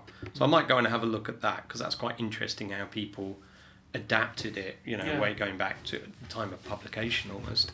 Um, so I might do something short on that. There's a lot of I've gone through his manuscripts, his academic manuscripts. There's a lot of text you could engage with, a lot more Mm. medieval texts Mm. and lectures in there. Um, but I don't know if I really want to go down to that level.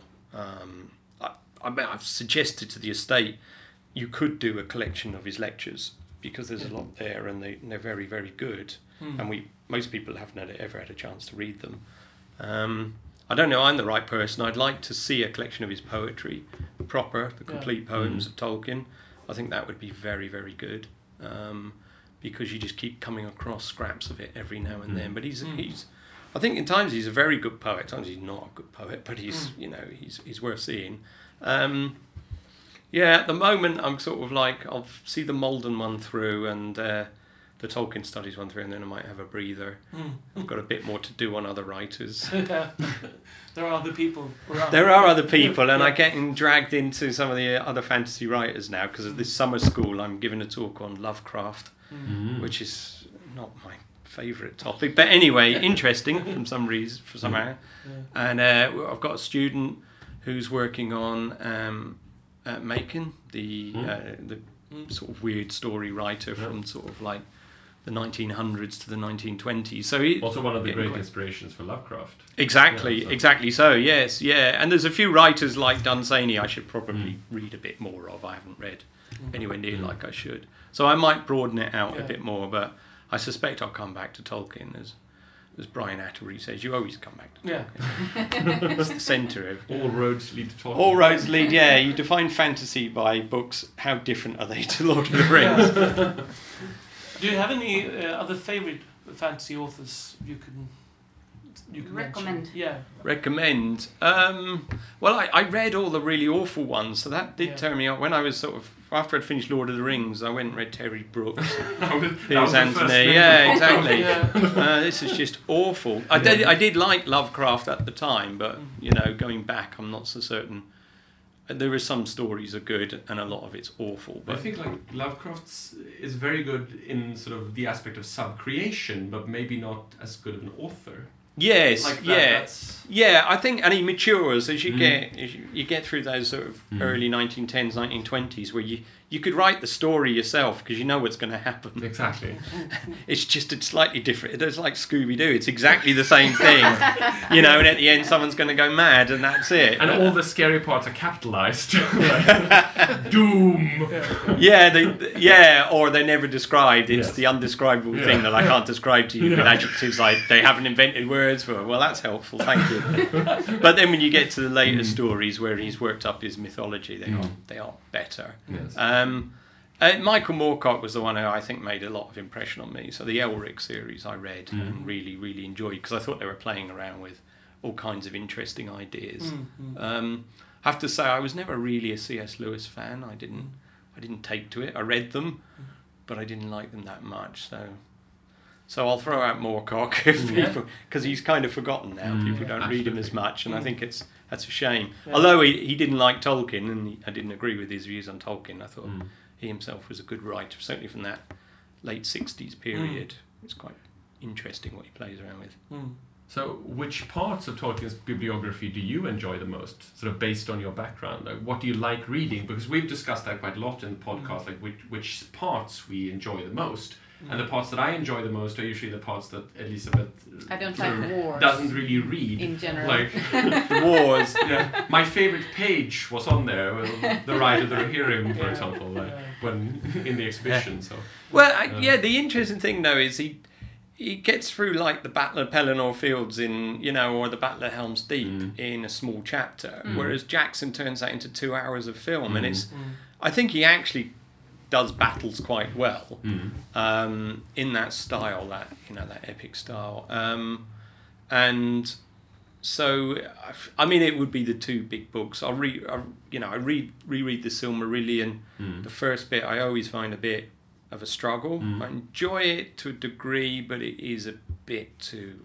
I find it Too bit much Old Testament. exactly. Yeah. But once you start getting into the, you know, the elves, the story of the Mm. elves, and the sort of real tragedy, then Mm. it becomes very interesting. And we've already mentioned the new books coming out, Mm. the- Mm. which which I do enjoy. Um, and the, the, you know, well, I suppose I enjoy them all. But if you're saying the Hobbit and the Lord of the Rings, yes, they would be the ones I'd come back to, and then there'd be certain sections Mm. in there which I find particularly moving or Mm. powerful. So. Do you have any examples? Um, well, I. So when Tolkien was asked, I know you, you, probably know this. Mm. The two favourite parts for his book of Lord of the Rings was the rescue of Sam and Frodo by the eagles at the end, Mm. and the bit where Gandalf faces the Lord of the Nazgul Mm. at, at that, and that that's always been my favourite bit Mm. of the book, and it's a bit I use that like those last two pages or whatever as uh, in class, and I just show you show the students we work through how many devices he's used in there to make that such a powerful scene. And it is it is extraordinary what you could if you just read it again, repetition, alliteration, use of blank lines for pause. Um, the variation, didn't you say the Lord of Asgard in Lord Asgard, you know, whole ways of describing things. Um, he gives Grond a personality. And then it ends with the biblical, the cock crowing, etc. And then you get, and the reason I like it is because it's it's the eucatastrophe. I don't think that anywhere else in the book, the eagle's coming, all right, maybe. But when they row here and they hear the horns, that is, because if you don't know what's going to happen, it really does hook you in, and you get what he was trying to say in On Fairy Stories. Mm. That, or to me, you do. Yeah, Mm. I, I really agree with you. I mean, I know it is the cavalry coming over the hill, Yeah. but it is, it Yeah. is fan. It's so well done. Yes. Yeah, yeah. But And it's a classic theme. Now that you described it that way, I actually made an association to Sir Walter Scott and Ivan. Ivanhoe. Oh, right, and the, yeah. Sort of the horns blowing. There Yes, as well. yes, yes, yes. Like Yeah. there is sort of some sort of connection there because of the very classical sort of the the saving in the last minute. Yeah, Mhm. exactly, exactly. And it's they'd come at last. I think Mhm. is the like, the final Yeah. sentence. But it was, yeah, it's. I think it's extraordinary piece. Um, so that's my favourite bit. Although I like Tom Bombadil, and that's Mm. just because it's weird. And the Barrow-wights. I mean, yeah, that's yeah, that's Yeah. real gothic. That is what Yes. we are coming back to over The and over. yeah. N- uh, And Tom Bombadil, Yeah. especially. Uh, right. Uh, no wars there. yeah. No, there's no wars there. No, no. No, but um, the fact that they uh, didn't uh, tell any about it in the movie.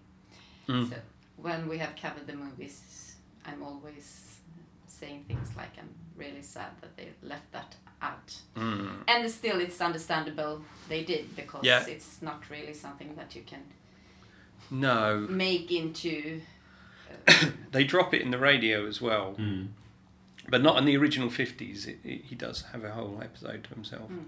so they kept it in then Mm. but the um yeah you can you can just lift it out and move them from Yeah. wherever it is farmer maggot to Mm. Bree Mm. and Yeah. no one knows i don't think they actually do they get any artifacts there that they need They get the Merry and Pippin get the little swords, but they're actually given them by Galadriel. that's right yeah So- yeah, Yeah. So that's right they do don't they but it's it is a shame because it is a very interesting bit Mm. and and you come back to it again and again you think well you know and even in the council of elrond they say well why don't we just give him the ring Yeah, Mm. yeah. but he says he wouldn't be able to hold them off Mm. so yeah Oh.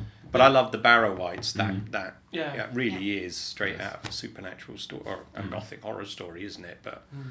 those ghosts coming forward you start to see that there's something a lot darker going on here But it's quite interesting that Tolkien sort of sometimes stumbled stumbles into that territory because the Paths of the Dead Mm. is sort of the same kind of thing where it goes very gothic very suddenly yeah from this quite medieval or Beowulfian uh, sort of mood.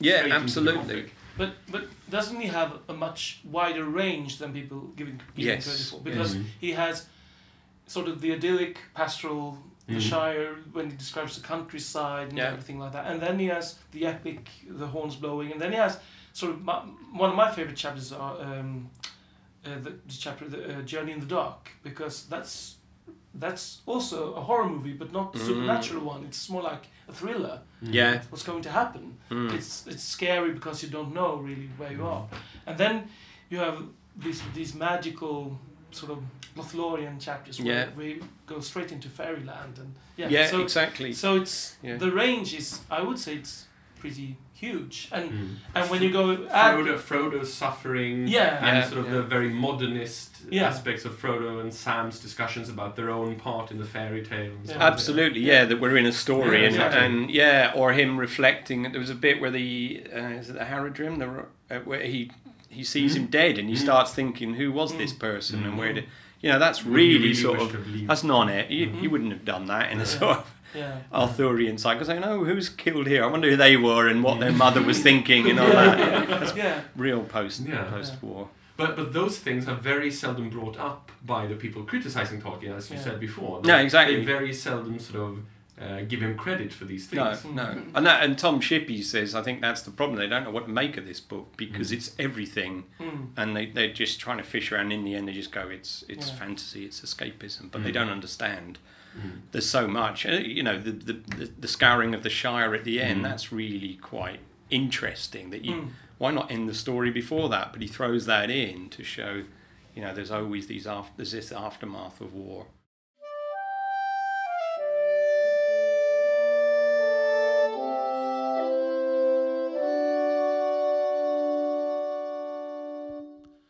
The final interview is with Dr. Courtney Phillips, who is a retired chemistry professor and emeritus fellow at Merton College, which of course is a part of Oxford University. Dr. Phillips was a colleague of Tolkien's back in the day, and uh, we felt really fortunate to be able to meet him and listen to his colourful anecdotes of college life from the last century. Especially since we got the chance to perform the interview in the private and secluded Fellows Garden at Merton College since we were a bit slow in uh, pressing the record button, we entered the interview sort of in the middle of a description by Dr. Phillips of how the university in Oxford is organised. It's composed of about 40 colleges, and all of them are treated, regarded as equal. Yes. Um, and uh, you say you're up at Oxford because you were at Merton College or Hertford College or whatever it may be. In fact, they're very different uh, because some are very rich and some are very poor.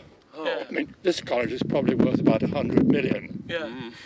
We own, we own 16,000 acres of land around the country, and we own a lot of, pro- a lot of shares and so on. Now, uh, I, I, St Cross, which is another college I know, is not worth a million. Oh, that's an enormous difference. Yes. Now, what, what uh, the, the the heart of the college uh, are the tutors who teach undergraduates, and the head of each subject is a professor. Uh, I'm talking, it's changed now. No, everybody's called professor. Yes. but in, in, my, in my day, the, the head of a, a particular subject is called professor.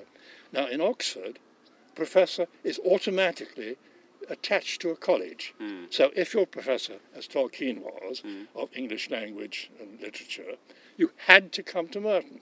You had no hmm. choice. Ah, Okay. Now in Cambridge, it's just the opposite. You become professor of English language and literature, and then a college says, "Say, well, so and so, he's quite clever, isn't he? you know, a decent sort of chap," and they invite him to become a fellow. ah, I see. so Tolkien came to this college as a fellow. I mean, he was an undergraduate at Exeter, and he taught. As a, he was a tutor at Pembroke In Anglo-Saxon. in, in Anglo-Saxon, yes. Uh, and uh, had, when he became professor, head of the thing, had to come to Merton.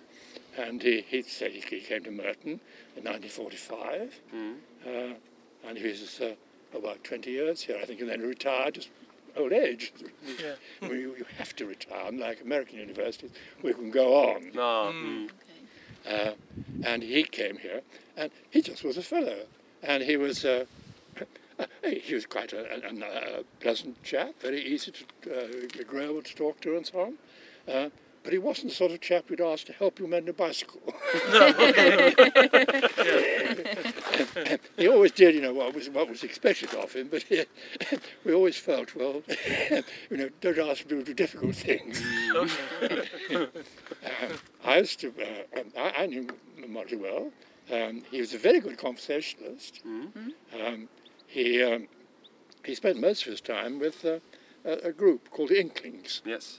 um, which consisted of Dyson, who was the uh, English tutor here, uh, C.S. Lewis, who was English tutor at Magdalen over there, uh, and uh, they used to meet at the, uh, the Eagle and Child and have a glass of beer and so on. He wasn't a great drinker, but he, he, he was a The occasional beer. occasional beer, that's Yeah, all, yeah. yeah. He was a, a perfect normal.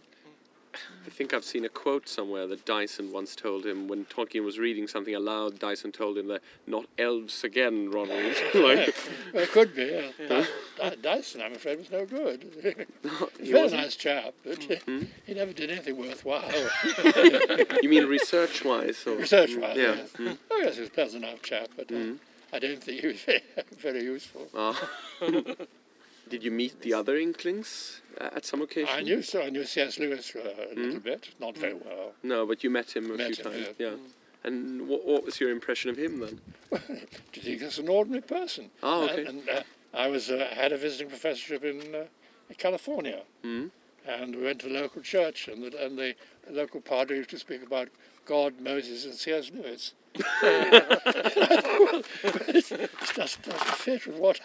I see. Yes, I think Tolkien was, on the whole, quite liked in college, but not over liked. Ah, You know, You he think- wasn't a, he was a sort of um, chum everybody wished to have. mm. Do you think that there was a difference? That Oh, he just, who he liked just, him and he, who didn't no, like he him was that just, much? just sort of polite and retiring. you know. Mm. Yeah. I played, played squash with him. Mm. Squash. Yes. Uh, he loved four-handed squash, which is a very unusual game. Oh, I've never heard of four-handed squash actually. Yes. Well, you have to you hit the ball on your side Mm. alternately. Mm. And so when it isn't your turn, you have to keep out of the way. Mm. but he was very, very. Um, well, he, he, of course, was very, very good at, Anglo- at Anglo-Saxon Mm. and Old English and so on. I remember him telling me that mm, uh, we call a thing called Moreton in Marsh, Mm. which is one thing.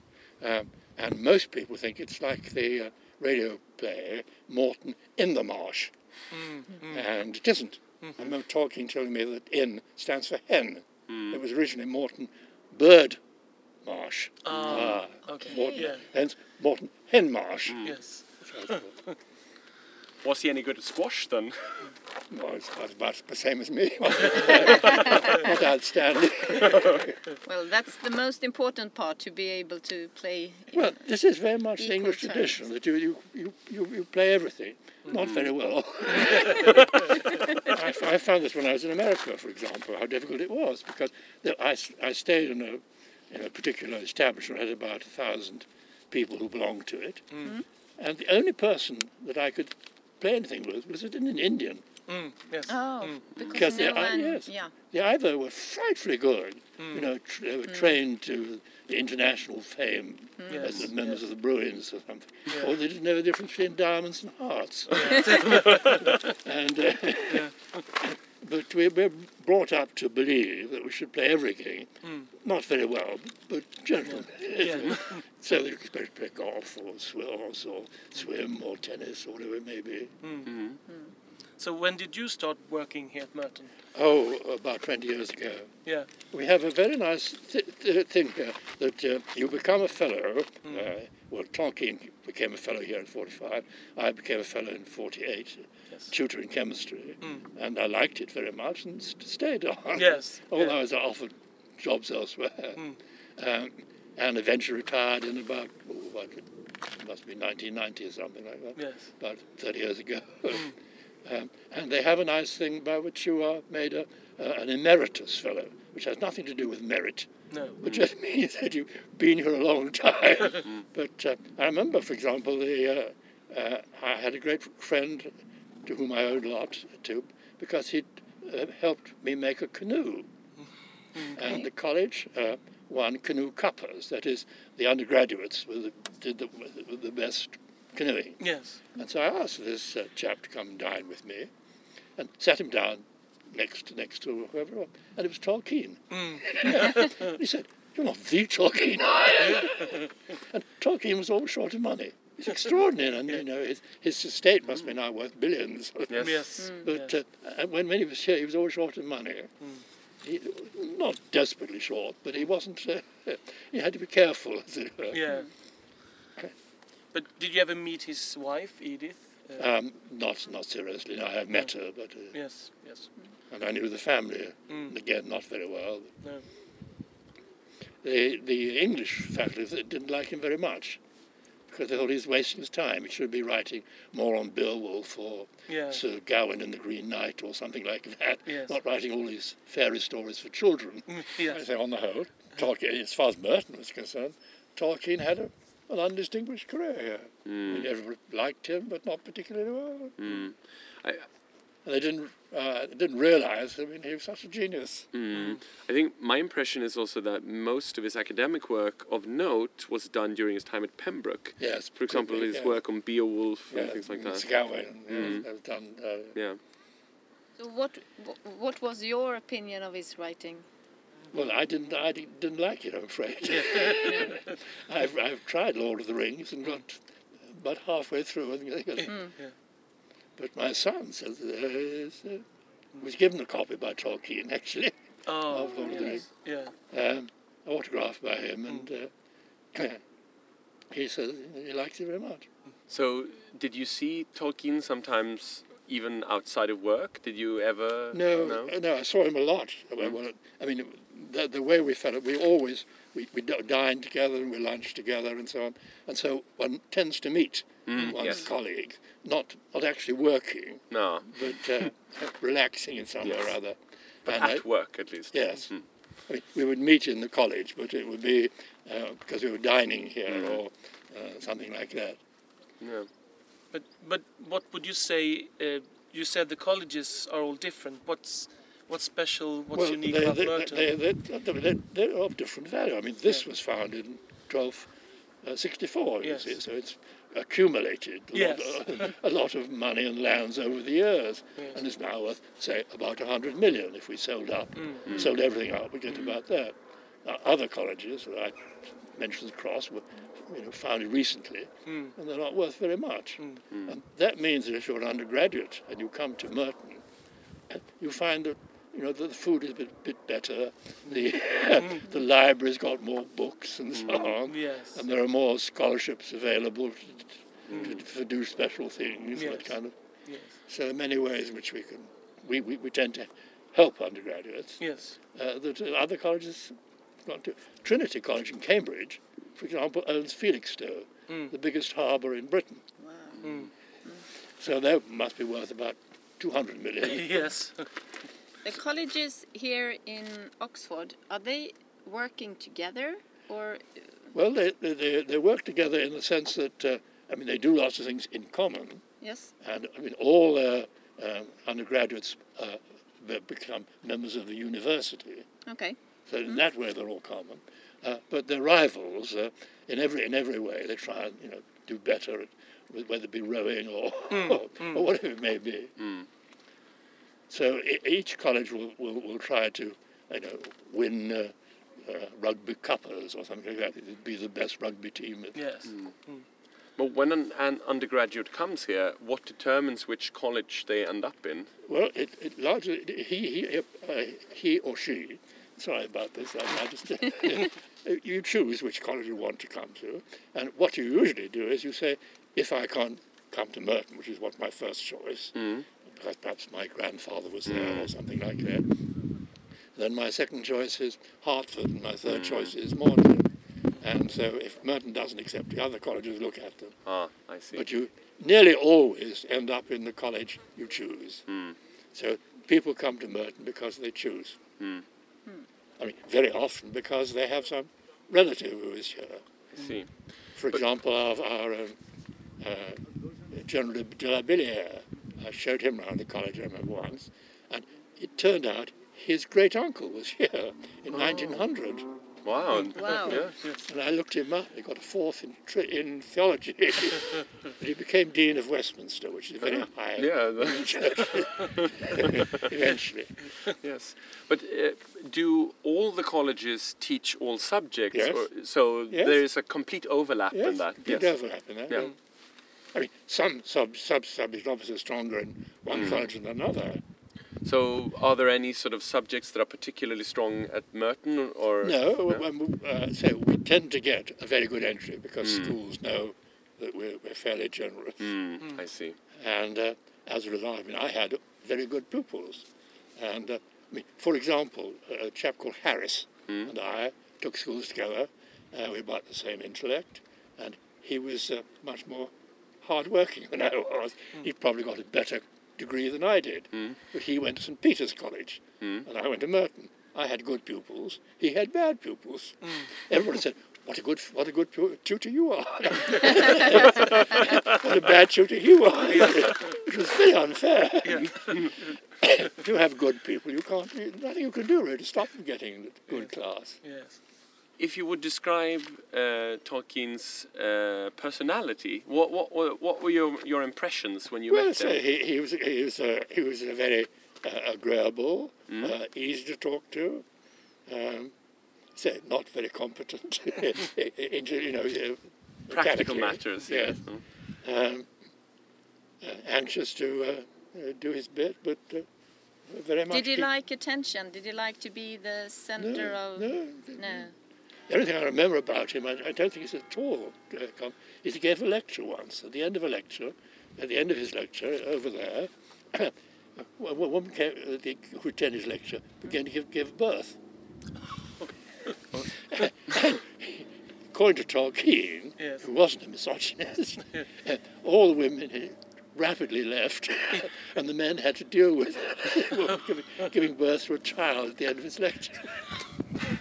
That's not every day that happens. No, no. no, don't anyone. But was he well liked by by? I th- yes, I mean, he was he was liked, but I mean, he wasn't a, a particularly uh, uh, friendly person. No. He was just very ordinary in that way. But when he He was a South African, of course, you know. yes Yeah, he kind of got got some Bloemfontein. I think. Yeah. yes. He was, but he was largely educated at uh, Birmingham. Mm. He, he grew famous when he'd retired. Mm. I mean, he, he's, we, we, he, he, we, we gave him a room in college. In fact, we gave him two rooms. Mm. One in which he lived, Mm. and one which we sent people like yourself to. Yes. Uh, uh, but so he, he lived in college quite a bit, or lived down there actually, um, when he re- retired. But he had retired from being professor of English language. Yes. In fact, when he retired, they made they decided that two people would have to be. So they had two professorships. they had a professor of English of Anglo-Saxon and a professorship of English language. The, the trouble is that, that um, the, the, the person, for, in this particular thing, the person who had the best references was somebody who lived in America. Nobody's seen for 20 years. Mm. And I happen to know American references are not worth anything because of their, they have a law, the uh, uh, Freedom of Information Law. And when a person writes a reference, anybody can see anything written about him in America. Yes. And therefore, testimonials are, not, are absolutely worthless. Mm. I mean, knowing that the, the, the person whom you're writing about can see what you wrote Yeah. means you You would never write anything. no, unpleasant. so, and, and it happened, in, in fact, when Tolkien's successor, I- when I, was, I remember uh, we had uh, somebody I knew who's uh, been tutored in Anglo-Saxon here, and they went to be professor at Leeds. He uh, rang me up, I remember, and said, I understand you're interviewing so-and-so, Carstairs or something. He's no good. He's a nice chap and so on, but he'll never be any good. Um, so I said, well, thank you very much. Anyway, two days later, his, his testimonial came in. It was absolutely glowing. And I rang him up and said, please don't agree. And he said, oh, well, 15 years ago I wrote a testimonial. I was told it was entirely confidential, but somehow the person learned what was in it. and so I've decided now I'll only write good testimonials. Yes. so his testimonials are worth it. And we, again, American testimonials are, are, are pretty exuberant anyway. I mean, we had a chap, I remember, uh, and his testimonial said uh, um, he'd, this particular writing, the testimonial, had never met Jesus Christ. But Thomas B. Sock- Steinheimer was the nearest thing to it. and when Thomas B. Steinheimer came, he was terribly ordinary. He didn't even walk on water, feed the undergraduates with, with two fishes.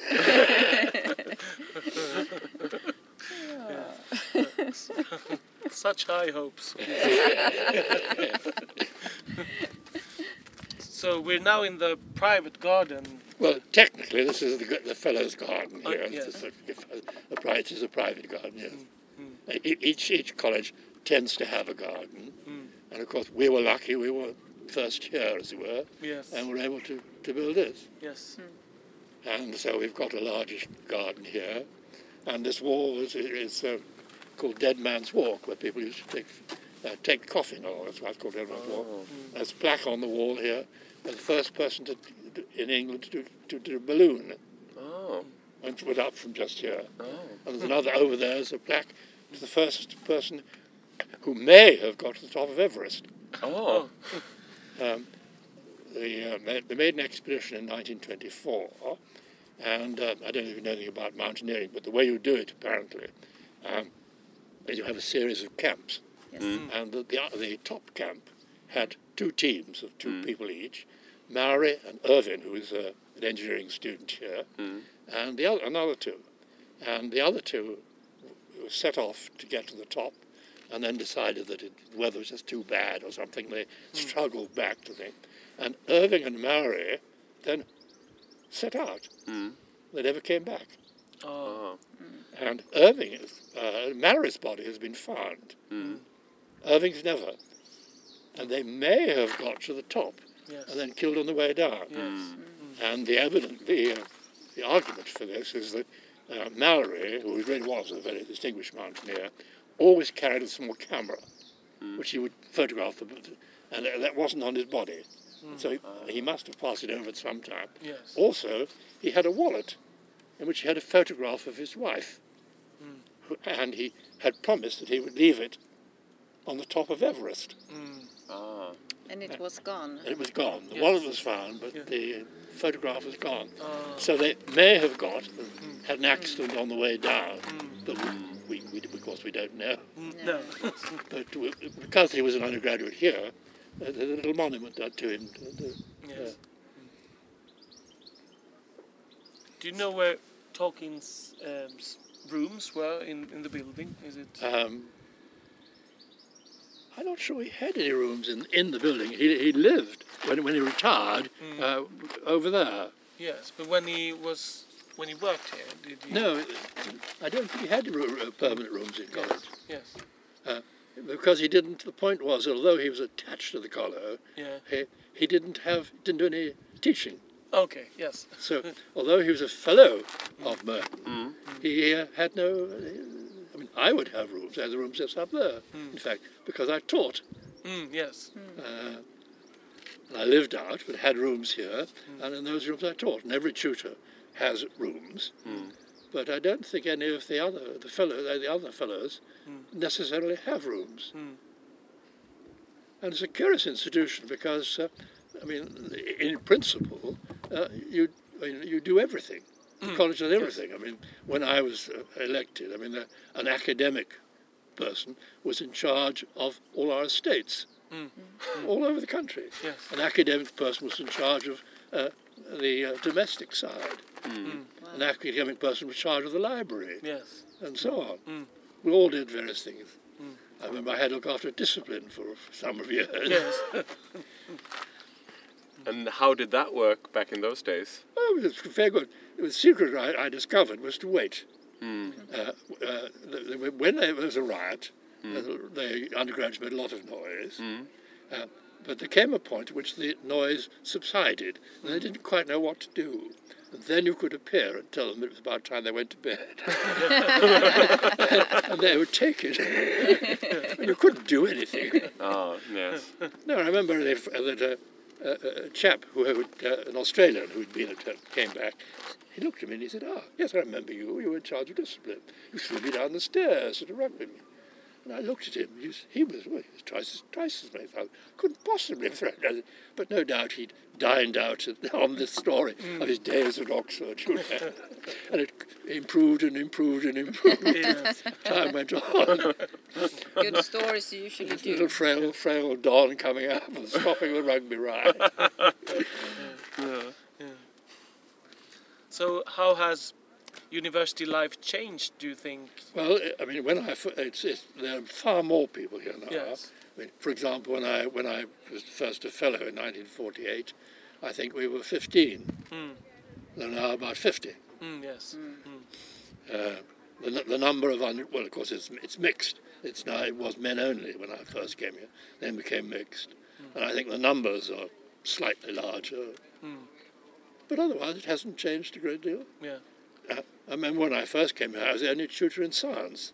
People weren't quite certain whether science would continue. so there's tutor in, in law, tutor in English, and tutor in uh, uh, classics and history and so on.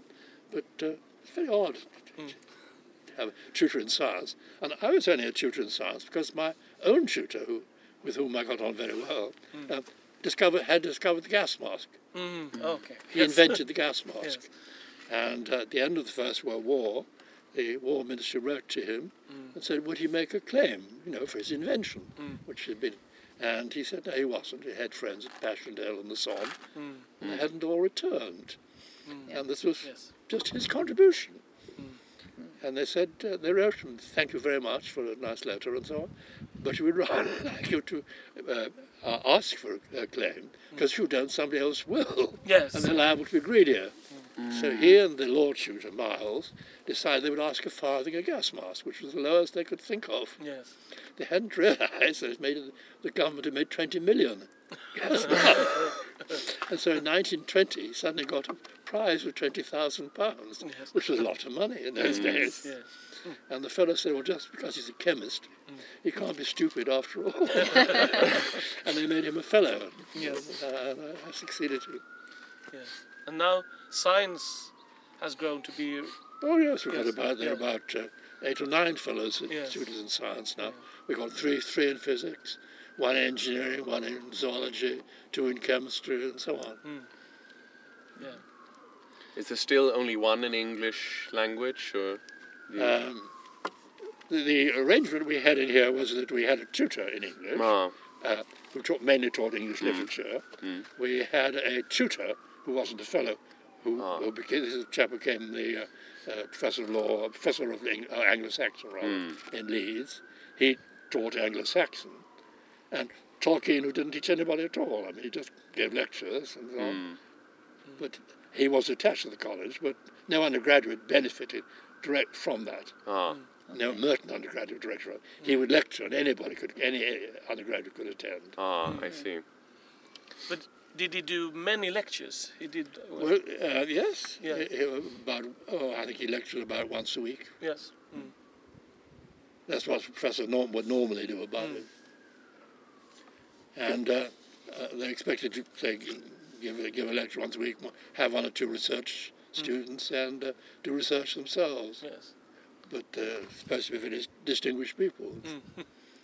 And the rest of the time, they they just write fantasy books. Well, Right. he was meant to be writing learned volumes of Yes. Beowulf and so on, uh, and Sir Gawain, but he, he, he wrote these fairy stories. Yes. Well, at least the three of us are very happy he did that. Yeah. yeah. Well, that's what often happens. People, you know, who are quite ordinary suddenly become famous. Mm. Yes. Hmm. Yes. They always say that mathematicians do their best work in their 20s, mm. but philosophers when they're dead. And chemists? Mm. when do they peak? they, they, they peak at about, well, the late 30s, early 40s. ah, I see. Physicists, on the whole, peak in their 30s. Mathematicians peak usually in their 20s. What is the reason for this? I don't know. Um, I think that you, you know, if a mathematical genius, you, you, it shows yourself up, and there's really nothing more to do. Ah, I see. Yeah. So how often are you here? Um, if I was a tutor, I was here nearly every day. Yeah, but now. Now, or come in about two or three times a week, Okay. because being an emeritus fellow, I'm allowed to lunch or dine uh, uh, with, with, with the other with the member, the working members. Yes. It's a very nice thing. I mean, most places, you know, they, they say goodbye on Friday, give you a clock, and don't want to see you on Monday. no. yeah. But uh, here you become, most colleges have this system, you become an emeritus fellow. You don't actually do anything, but you're just around and you're allowed to come in and you're, say, invited to uh, uh, dine or lunch whenever you want. Yes. Uh, and you can use the common rooms and, I think that is fantastic. yes. I think it's great. But, but American professors, you, you say, you go on to, to do that. Yes. Because uh, my professor of uh, inorganic chemistry, he was an American, good enough. Um, and I remember when he was 63, he suddenly realized he'd have to retire at 67. So he took a professorship in Texas. and um, suddenly left us. It was very do. We had to run the department without him. Oh, that must have been tricky. But he's, he's very he's brilliant. I mean, he still uh, uh, produces valuable work. on uh, solid state batteries, lithium, these lithium batteries for cars and so on. He's still his group in Texas still does this, and he must be about what hundred now. Was it common that the the fellows dined here even back then? Like not not only had lunch, but actually stayed later in the evening and dined yes, and so on. yes. When I first became a fellow, we stayed till about midnight. Mid every day. Well, on most days, Oh, uh, we'd have dinner, then you'd have well dessert after dinner, go to another room, uh, then you'd have port, and then you'd sit and talk. And it was very embarrassing for me because I was a senior scholar at the time, and I came in, and we, we were allowed to dine. I happened to dine the night that the college had met to decide the next fellow in chemistry, i.e. me. and nobody spoke to me except you know, uh, just the way you would to a local boy who hadn't quite made it. and at midnight, I remember the warden, I know, how, how can I get away at midnight? The warden said, I'd like to see you tomorrow morning. and then tomorrow morning he told me that he'd let me finish. Wow. but people don't stay that late nowadays. Not there, no. No. They stayed till about nine o'clock or something like that. So it's still very common that they dine here as Yes. well, oh, yes. rather than they, at they home. dine here, and, they, and some of them will we have dinner, uh, and then there's uh, they go, what we have called, called common room, which we have Mm. port and dessert and so on. Mm. That still goes on. Yeah. So that those traditions are kept up Uh, much, uh, much the up, same. but Mm. in my in, in the very early days, nearly everybody Mm. kept them up. Ah. Nowadays, only a few. I see. There may be say fifty or sixty fellows, but only, only a few will actually be dining on Mm. one particular night. I see. Whereas in, when I started, most Mm. uh, fellows were dining. Mm. So they didn't. When did did they arrive in the morning then? Uh, well, it depended on who we were. I mean, I, Mm.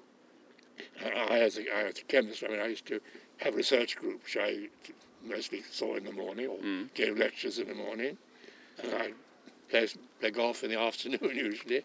And then uh, uh, I would teach people usually at five o'clock in the evening. Mm. I see. So there wasn't that much time at home in between. There was a lot of time. Well, you made it. Yeah. But I lived near the college, so that was Ah, good. Mm. We lived just crossed there, actually, to start with. Ah, it was convenient then. Very convenient. Little, little, little house. I remember some tiny little house, but my, for, I was terrified. And fortunately, my wife said she liked it. and uh, so we settled in there. And this was a very small house. We got a bigger one a little later. And I remember we had uh, two Russians came to see us. Mm. And they said, Who lives upstairs? I said, There's nobody upstairs. We live upstairs. They couldn't believe it. Ah, that you had so much space. So much space. Mm. And we had a telephone. Ah. Which year was this roughly? This would be about 1950, 1960. Mm. I can imagine that that was quite a cultural Yeah, I- difference. yes, I, well, I visited one, uh, one of them, chap called Kislov in Moscow. Mm. And it's certainly, I mean, he and his wife lived in a terribly small flat. Mm. He was very distinguished by my Russian standards. Mm. He was the leading light in, in, in my particular field. Ah. Very odd people, the Russians, I found, too. They told you uh, you couldn't do anything, Ah. but you always could. Oh, that there were a lot of rules, but they weren't followed. They weren't followed, mean? yeah. I remember uh, going up to a bridge in Moscow, and Mm. in my faltering Russian, I asked Chef if I could photograph this, Mm. which of course strictly not allowed because it's a military, it might be used by the military. And he looked at me and said, I said, well, I don't think anybody will see it. so I was able to. Mm. And I remember I was in uh, St. Leningrad, Mm. uh, uh, and I wanted to go and see some things with Petrodvorets and paintings. Mm. And I asked, I asked the, uh, the meetings all on, uh, or bits of it were not on of interest. And I asked the uh, people who were organising this, could I go? And they said, no, it's not allowed. And uh, so I went down and walked along the banks of the Neva. And I just, there was a kiosk there. I just said, you know, Petrodvorets. And the guy behind the kiosk said, that's four kopecks. Sometimes I get four kopecks. And I went to see Petrodvorets. And I said, you know, why wasn't I allowed to go? and the answer was very simple. They were regilding the fountains. Ah. they didn't want foreigners to see. Yeah. I see. The image ha- Yeah. had to be kept Had up. to be kept out, yeah. Mm. Yes. Yes. I had a colleague in Uppsala, that's why I knew. him. Yes. Uh, So you visited Uppsala as well? Yes, Yeah. Cla- a chap called Clarson, he worked with Arrhenius. So how many times did you visit Sweden? Only once. Only once, but you were in both Stockholm and Uppsala during that. Is it? Well, I, I- I stayed with the with the with the Clarson family in Uppsala, Mm. and then we stayed overnight in Stockholm. I think. Mm. And was it a conference or what was the No, occasion? ju- I mean, it ju- I- our work was very similar. Ah, okay. I So remember it- Clarson saying that uh, in Sweden, Mm. uh, the engineering is, is better than anywhere else. Oh, He said it has to be, because we're you know it's, we're a bit remote, Yes. yes. and therefore we have to do things better than other people. and so uh, the engineering was superb. mm. I, I mean, my impression of the laboratories was how good the uh, engineering workshop was. That Mm, was I what see. really impressed me. Was, uh, yeah. Mm. I mean, we had to uh, more or less make things ourselves, and Ah, I see. they see. were all being, being made. Ah, yes. I mean, class would just say, "Well, I want this," and it would be made. Mm. Here, I'd have to make it myself. Yeah. Maybe it could be connected to the fact that sort of uh, Oxford University is more of a separate institution, while the Swedish universities are more tightly connected to the state funding and maybe, like yes, maybe something like that. Yes, the, uh, uni- the university is also uh, completely separate from the state. Mm, yes. Yeah. And the city itself, Oxford. Well, it, it's. I mean, I like it very much, Mm.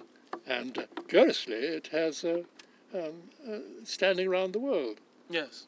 Uh, I helped to build a, a university in Oman, Mm. and uh, on one occasion, the, uh, uh, the the foreign minister came to me and said, "I arranged for you to go, you and your wife, to go and see a fort in the interior of Oman, which has been restored and so on. I thought you might Yes. like to see it, Yes. and I'll provide you with a car, and a driver, and an interpreter, and so on." And so we went out. Oh, why? Why is it picking me? And I discovered why, why we went. Mm. Uh, th- this Williat, apparently, way in the, in the wouldn't send anybody to university because the university didn't distinguish between men and women.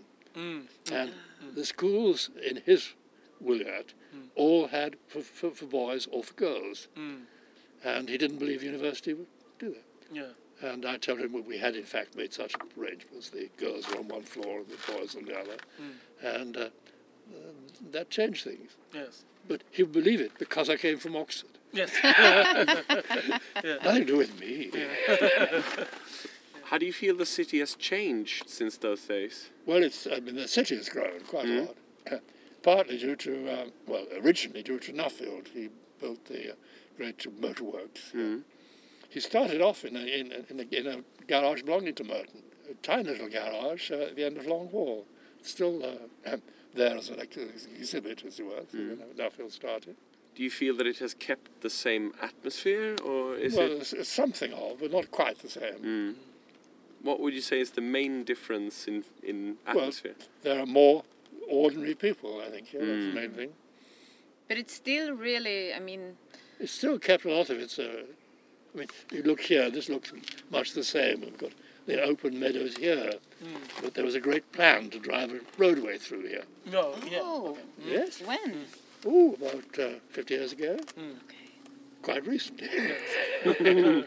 uh, I'm, because I'm glad they didn't. yes, well, we, well, the university fought this like anything Mm. because there's a great difficulty in the cross traffic going from east to west, Yes. coming through the centre of the city, and it was much more sensible to, from the road point of view, Mm. to build a road here. But this has always been an open space, Mm. and so although it's near the centre of the city, Mm. uh, we have a good uh, larger space, and that's what's made made, made Oxford peculiar, perhaps. That, I mean, that uh, you have these old establishments and so on, Mm. and space and so on, right near the centre of a, Mm. a working city. Yes. Mm. And the countryside is really close as well. You, if you walk over there, you can meet cows. Yes. Quite, quite, Well, yeah. I, I live, uh, for example, as I mentioned in my email too, I think. Yeah. I, I live just over there, and uh, I can get out into what is countryside. And Yes. What's a river, actually. Yeah. Mm. Oxford is mainly built between two rivers. Yes. The Thames, which comes down there, and the Cherwell, which, well, you can just see it there. Mm. And they run north and south, and the land in between Mm. is what is Oxford. Yes. And then the, uh, the, the Cherwell runs into the, the Thames curls around there, and the Cherwell, the other river, runs into it. Mm. And the old rivalry between Oxford and Cambridge is that something you? Well, it, I mean, again, it's been built up, I think, Yes. by, the, by the press. more. Yes. I mean, they, they started off by just a friendly dispute, as it were, between them, Yeah. and it's now turned. I mean, rowing is a is a is a terrible thing Mm. because uh, the people take it so seriously. Mm. I used to have great problems as a tutor. My my undergraduates uh, uh, would take up rowing, Mm. and the trouble was not you know, the time they spent rowing the boat, Mm. but the time they spent getting to know one another as a crew. And a good crew lives together, plays Monopoly together. Yes. Yes. We waste time and ought to be getting on with doing something worthwhile. no, we have a very curious tradition that if you um, uh, play in the team against Cambridge, then you're a blue. Ah. Uh, you may be, uh, uh, may happen that that time mm. that the real good people are ill or can't play or mm. something, mm. and they don't, they're not. So But- somebody might might uh, you know miss the blue Yes. and be in fact the best player. Yes. But if you play um, against Cambridge, Mhm. it doesn't matter what college you. No, no, I I Okay. got a blue for golf. Yep. For example, I, hmm? I the, there's a university golf team, hmm? And we played against the Cambridge golf team. Okay. And lost, of course. But it was interesting. I just, I was very bad. I played at the bottom of the team, and uh, the uh, we, we were playing against. We used to play at various clubs, and I played against Wimbledon, which is a very good golf club as well as a tennis. Oh. And uh, uh, the captain of the Wimbledon Golf Club, and you were captain not because you were good at it, because you you know, he played in their team, bottom. And so I played against him.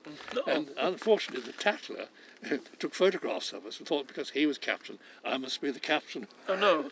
the, the Oxford team. Is sport activities Mm-hmm. here?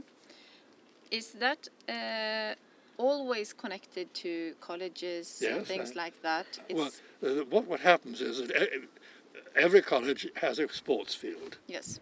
Um, we have a very large over there somewhere, long way away. yeah. Um, and this has tennis courts and rugby fields and uh, uh, cricket fields and so on. And you, you, then you play for your college. In addition, there you will be a, a university team. Okay. So if you're if you're very good, hmm. you'll not only play for the college, play for the first 15 hmm. rugby, you hmm. play for the university rugby team. Yes. And when you finish studying, Yes. are you able to continue playing? Or Not here, no. no? Not here. You, you join some other club. Okay. There are plenty other clubs. Oh yes, so- plenty of other okay. clubs. I mean, uh, you uh, if you uh, Uh, if you if you cricket, should we say, if you're quite good at cricket, hmm. then you play for your college cricket team on the co- on the college playing field, Yes. and you play against another college, say Worcester. Hmm. Uh, uh, if you're a little bit better, you play for the university team. Yes. Hmm. And they have, in the university parks, they have a special thing. And people come and they play against com- counties. They're quite, quite distinguished, as it were. And of course, they play against Cambridge. Mm, yes. But then, if they're good, they go on, they'll play for a county. Mm. Yeah. Mm. I had a great friend who was a law tutor at um, Brasenose, and he was a very, very good cricketer. So he played for university, and then he was captain of a county team. You know that, that that's why he was a, he was a fellow of uh, Brasenose, that it, because he was a good sportsman. In fact, he was also a good lawyer. But it, it is a very fascinating city in that you have this combination of completely modern uh, edifices and Yeah. buildings and sort of pre uh, that pre-Norman tower and you know the university buildings from the 1200s and so on. So there's a an enormous mix of time periods. Well, this is from about, uh, say, this is one of the oldest, 1250th. Mm. But we built a ch- chapel Mm. in the next century, the 14th century, and they never finished it. Ah. And uh, they meant it to be very much larger with a nave Mm. going over in that direction, and they filled the, the, the with the rubble, Mm. which they would take out uh, when the when nave was put in. And the rubble is still there. Been there for the last 600 years. People always had something better to do than to remove Well- the rubble. They built another college actually, where, the, where the nave would have been. Yes. Yes. But the choir itself was big enough, it sort of thought. Mm. So now the rubble itself is sort of a site for people to come. And, Well, I mean, they don't know it's rubble. They Yeah. think it's, you know, it's part of the building. yes. so how much do um, people at the college attend the the even songs in the chapel? Is that a custom for It, people? it used well, it used to be compulsory, of course. Yeah. And then it became, I mean, uh, and uh, it's gradually eroded, and now I suppose about a third of the college goes to. Yes. I mean, when I was uh, uh, made a fellow, I was I was told that uh, I couldn't expect to remain a fellow if I got married Oh. in the next four years. I think. Yes. and uh, that didn't work. I hadn't met, met my wife then. But we have some curious traditions. I mean, there's one of our uh, uh, old uh, statutes here is that um, the Professor Garrod, who lived there, um, lived in college, his uh, dog should be deemed a cat. what? The, um, the, the, the, um, one of the rules of the college uh, is that you can't have a, a dog in college. Oh. Oh. And he had a dog. Yeah. But it was how do you get- classified as a cat. So, from the point of view of this this uh, statue, it was deemed to be a cat. That's wonderful. But there it is. It's, it's, it's 1935 or so. It's on the Ah, I college, see. college record. But how old were people usually, roughly, when they became fellows?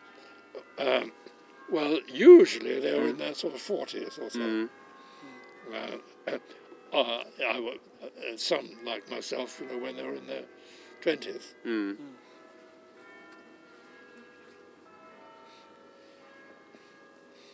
That's why I, I didn't think I had a chance when I applied for this because, I mean, there were older people applying who really had established themselves. Mm.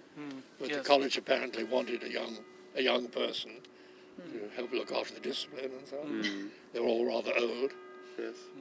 I remember another professor of English uh, uh, came to see me uh, when I was made a fellow and said he had trouble with his ankle.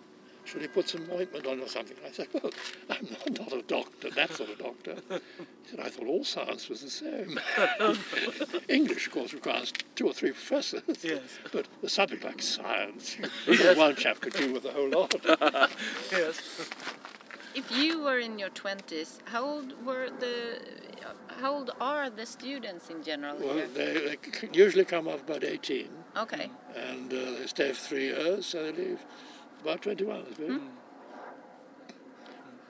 No, to begin with, of course, it was just after the war, and one would have uh, people coming back from, you know, being majors in the desert and so on. Yes. And they were very often you know, older than myself. But uh, I was very worried. I was uh, uh, pres- uh, president of the, the JCR at the time. These people were all coming back, and they, you know, the pimply boys from school, they would, there'd be trouble. Uh, not at all. No trouble at all. All the people coming back from the war wanted to be undergraduates again, be boys, do silly, silly things. I see. They, Yeah. they missed out on that. Yes, they missed out on They that. had did- to grow yes. up. They've been, they, they may have been, uh, you know, uh, captains or brigadiers or something like that. Uh, Was it very noticeable uh, in those people that they they were different than those who hadn't gone to no, the they war? tried to be the same. They tried to be the same. Yeah. Of course, they, they weren't, but they tried hard. Ah. Uh, Tolkien, of course, was, uh, fought in the First World War, Mm. but not in the Second. He was too old for that. Mm. Yeah, his son fought in the second Yeah. World War. Yeah. Chri- Yeah. Christopher. Yeah. Yeah. In the the Air Force, the Royal Air Force, I think. Yes. Yeah. And Tolkien was asked to do some cryptography duty. Uh, Oh, we had various duties uh, yes, in the war. Of, uh, Mm. uh, I was I responsible for the uh, defense, civil defense in the college. I was an expert on civil defense, Mm. and we discovered that uh, we got some a lot of old uh, cellars, and we cleared them out because they had coal or something in, Mm. and we could house the college. Uh, uh, men, uh, you know, uh, undergraduates, the dons, and uh, staff, for about two weeks. Uh, and with a protection factor of 4,500.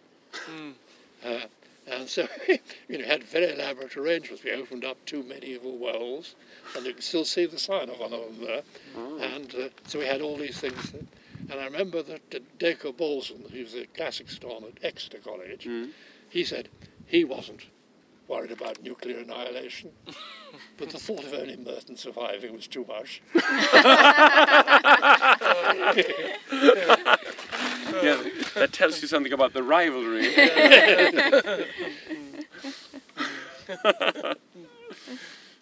No, Tolkien often used to sit, he's- sit- sit down there, you know, in, in the garden, and hmm?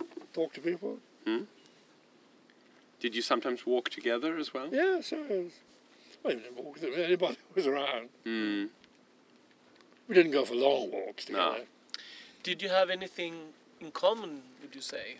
No, I think we had nothing co- except, I mean, there's college. Yes. We were both uh, fellows at college, and Mm. uh, we did we, we both did our, our bit. Uh, Mm. He did everything he could, Mm. uh, and I did what I could.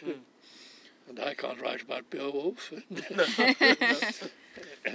Was it easy to still find sort of conversation topics, even though uh, with the well, with he, talk, he was very interested in language, of course. Mm. on. He didn't talk about uh, uh, Lord of the Rings or Hobbits very much. Hmm. Maybe he realized that his Well, uh, colleagues weren't that interested in that side of his Well, career. I, I had this trouble. So, you know, I was the only scientist here, and Hmm. you had to uh, learn a little bit about the other thing because they wouldn't understand uh, any science. Hmm. No. So you had to learn a little bit about history Hmm. in, in order to be able to talk to them. so it was quite tilted towards the humanities. oh yes, very Mm. much so. That, Mm. that's it. But it's changed. Mm. I guess that that's sort of a reflection on sort of how the academic world has changed as well Yeah, since that time. was. But I think Merton was particularly backward in its. Ah, yeah, very uh, traditional yes, in that. In that, in that Mm. respect, yes. I think other colleges had already got a, Mm. uh, a fellow in science. Now, this was the old city wall along here. Mm. That's why it's and uh, this is out the, the, outside the city. Ah. And, uh, but uh, the wall in the in New College North Mm. here is, is much higher Mm. because uh, you you couldn't bring this all marshy land. Ah, you yeah, couldn't I bring see. heavy troops up. Very hard to bring siege equipment through Yeah. there as well. Mm. And of course, we have this very curious place uh, with, with the uh, we have North Street and South Street, Mm. and North Street is south of South Street. and the, the reason i- is that the North Street was the uh, in, in Cavalier days Mm. was the outpost of the Cavaliers, Mm. and the South Post was the outpost of the did Ah, I see. and they, they, they, they come come the wrong way around. Mm. Yes, Charles uh, first uh, lived in Oxford Mm. during the Civil War, Mm. and his wife lived to live in uh, just over there. Ah, And I think it's quite funny that New College is called New College because it's not that new. No, not it was new when it was founded, Yeah. yeah. about 400 years ago. Yeah. Yes, my son, it's very curious. Uh, My son was an undergraduate there, Mm. and uh, when he decided he'd go to university, Mm. uh, we felt, well, Merton wouldn't be suitable. You know, it'd be Mm. very difficult if, you, if it Don as your father. Yeah. Mm. Um, and so uh, he made inquiries as to what undergraduates thought was a, a good college, and I made inquiries as to what the Dons thought was a good college. Yes. Mm. And interestingly enough, we both came up with New College. Ah. So we went there. Yeah. But I would say in Sweden still that Oxford, Cambridge, and Harvard, Harvard are the three universities that are seen as sort of the most prestigious internationally from our perspective. So the Yeah. standing of Oxford remains definitely Yes. in that way. Yes, I never worked at Harvard. I've been to Harvard. Mm. I was very fortunate when I when I became a fellow. I was told to go away and grow up. and so just after the war, Mm. and, uh, and well, Germany wasn't a place to come particularly negotiate, Mm. and so America was the only place. Mm. And uh, I unfortunately knew nobody in America, Ah. and I was very very lucky.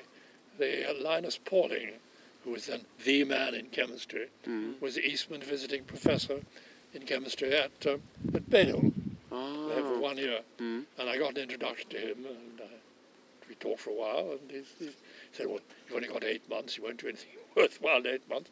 What you should do is take the southern route to California and go very slowly, and take come back on the northern route, come back Yeah. very slowly, Yeah. and see all sorts of people." Yeah. And I thought this was really very helpful from you know from the top man and so on. Mm. And he said, "Come back on Thursday." And I, came, uh, I may have some other ideas. I came back, see him on Thursday. And he, he gave me twelve letters of introduction Oh. to all the top chemists in the United States. Mm. I'm afraid I lived off everyone. but uh, was very generous. I mean, he really was the, you know, the, the, the uh, very, very outstanding. Mm. And I was just nobody. But he's, I mean, he's so famous, so he's Yes, still, yes, I mean, got, remembered outside. Yeah. He got two Nobel academic prizes. Yeah, yes. exactly. So, I mean, not many people can match that. The Marie Curie and Yeah, should have got well. I Yeah. think. It's a curious thing. A lot of people have got it who shouldn't have it. Mm. Yes. Um, uh, for penicillin, for example, it was given to. It was never given to the man who actually did the work. Mm. A chap called Heatley did all the work, Mm. uh, and he has uh, not been recognised. Mm. And the uh, the one for insulin was given to uh, Banting and Best. And Best was just a research student who was uh, oh no the, the uh, uh, thing was given to Banting and uh, MacLeod. Mm. And Professor MacLeod was the person who'd gone fishing and said, You can use my, my laboratory while I go fishing. and he, he, for some reason, he got the Nobel Prize. That's, it must be the easiest way to win Yeah, a Nobel yeah. Prize. He's Just go done fishing. So much fishing. That was a fishing trip well spent. well, yeah. and Penzias and, Mc- uh, uh, McLeod, I think, wasn't it? The, uh, uh, who got the thing for, for finding microwave radiation, you know, Mm. which uh, came from the beginning of the universe. Mm. They were working for uh, Bell Telephone Company, and uh, they couldn't understand why they got this weak signal on their radio. And they cleaned it up, cleaned it of bird shit and everything else, and they still couldn't make it work, and they couldn't understand what, what was the trouble. Mm. And they eventually got an academic to come and said, you know, well, you're measuring the beginning of the universe. And, Penzias and Wilson, that's right. And they got a Nobel Prize for this. I mean, they had, in fact, made a, you know, tremendous discovery, but they hadn't realised what they'd done. Ah, yes. They'd, had, they had made the measurements all right, no, doubt, no doubt about it. I think maybe that is one of the major differences uh, also between science, science or natural science and the and the humanities that that can almost not happen in the humanities. You can't stumble across new no. knowledge that way because No. because it's much more subjective that, or or abstract. Yeah, we had a very sad thing in chemistry here. There- was a major, major breakthrough in a thing, or, or what appeared to be a major breakthrough. Mm. They succeeded in measuring electron energies in what's called photochemistry. Mm.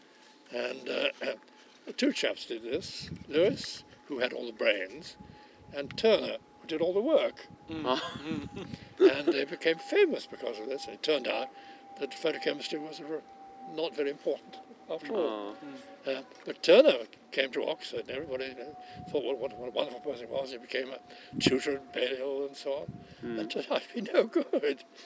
you know, he kept on thinking that you, know, you had to give 14 lectures on photochemistry, and everybody else thought, well, about half a lecture would be quite enough. No. that sounds quite it's very sad. sad, really. Yeah.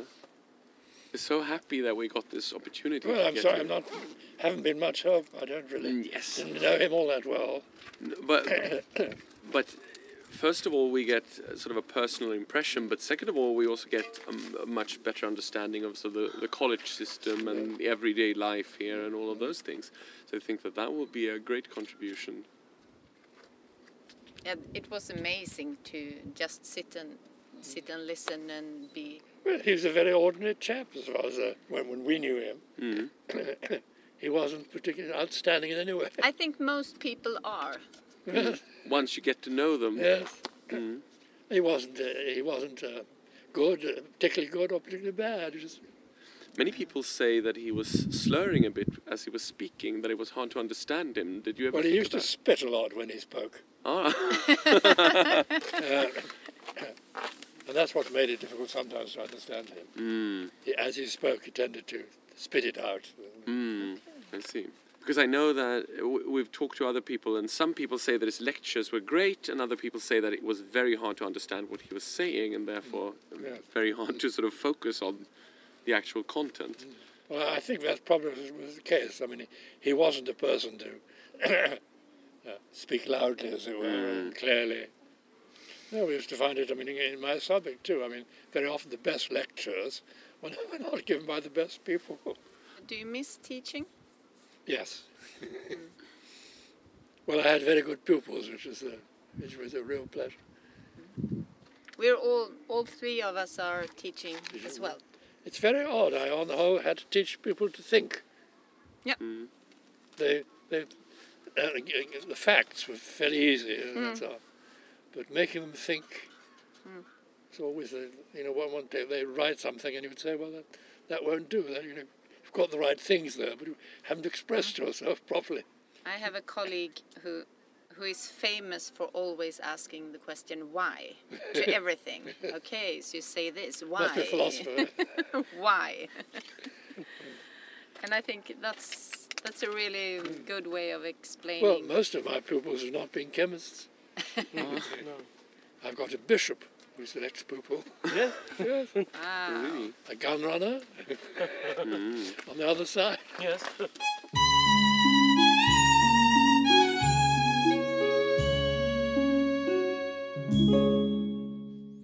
And uh, that brings this special episode of Tolkien Podden to an end.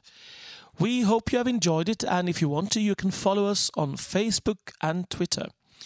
You can also email us at tolkienpodden at gmail.com. That's Tolkien, P O D D E N, at gmail.com, with feedback or questions. Until next time, thank you and goodbye.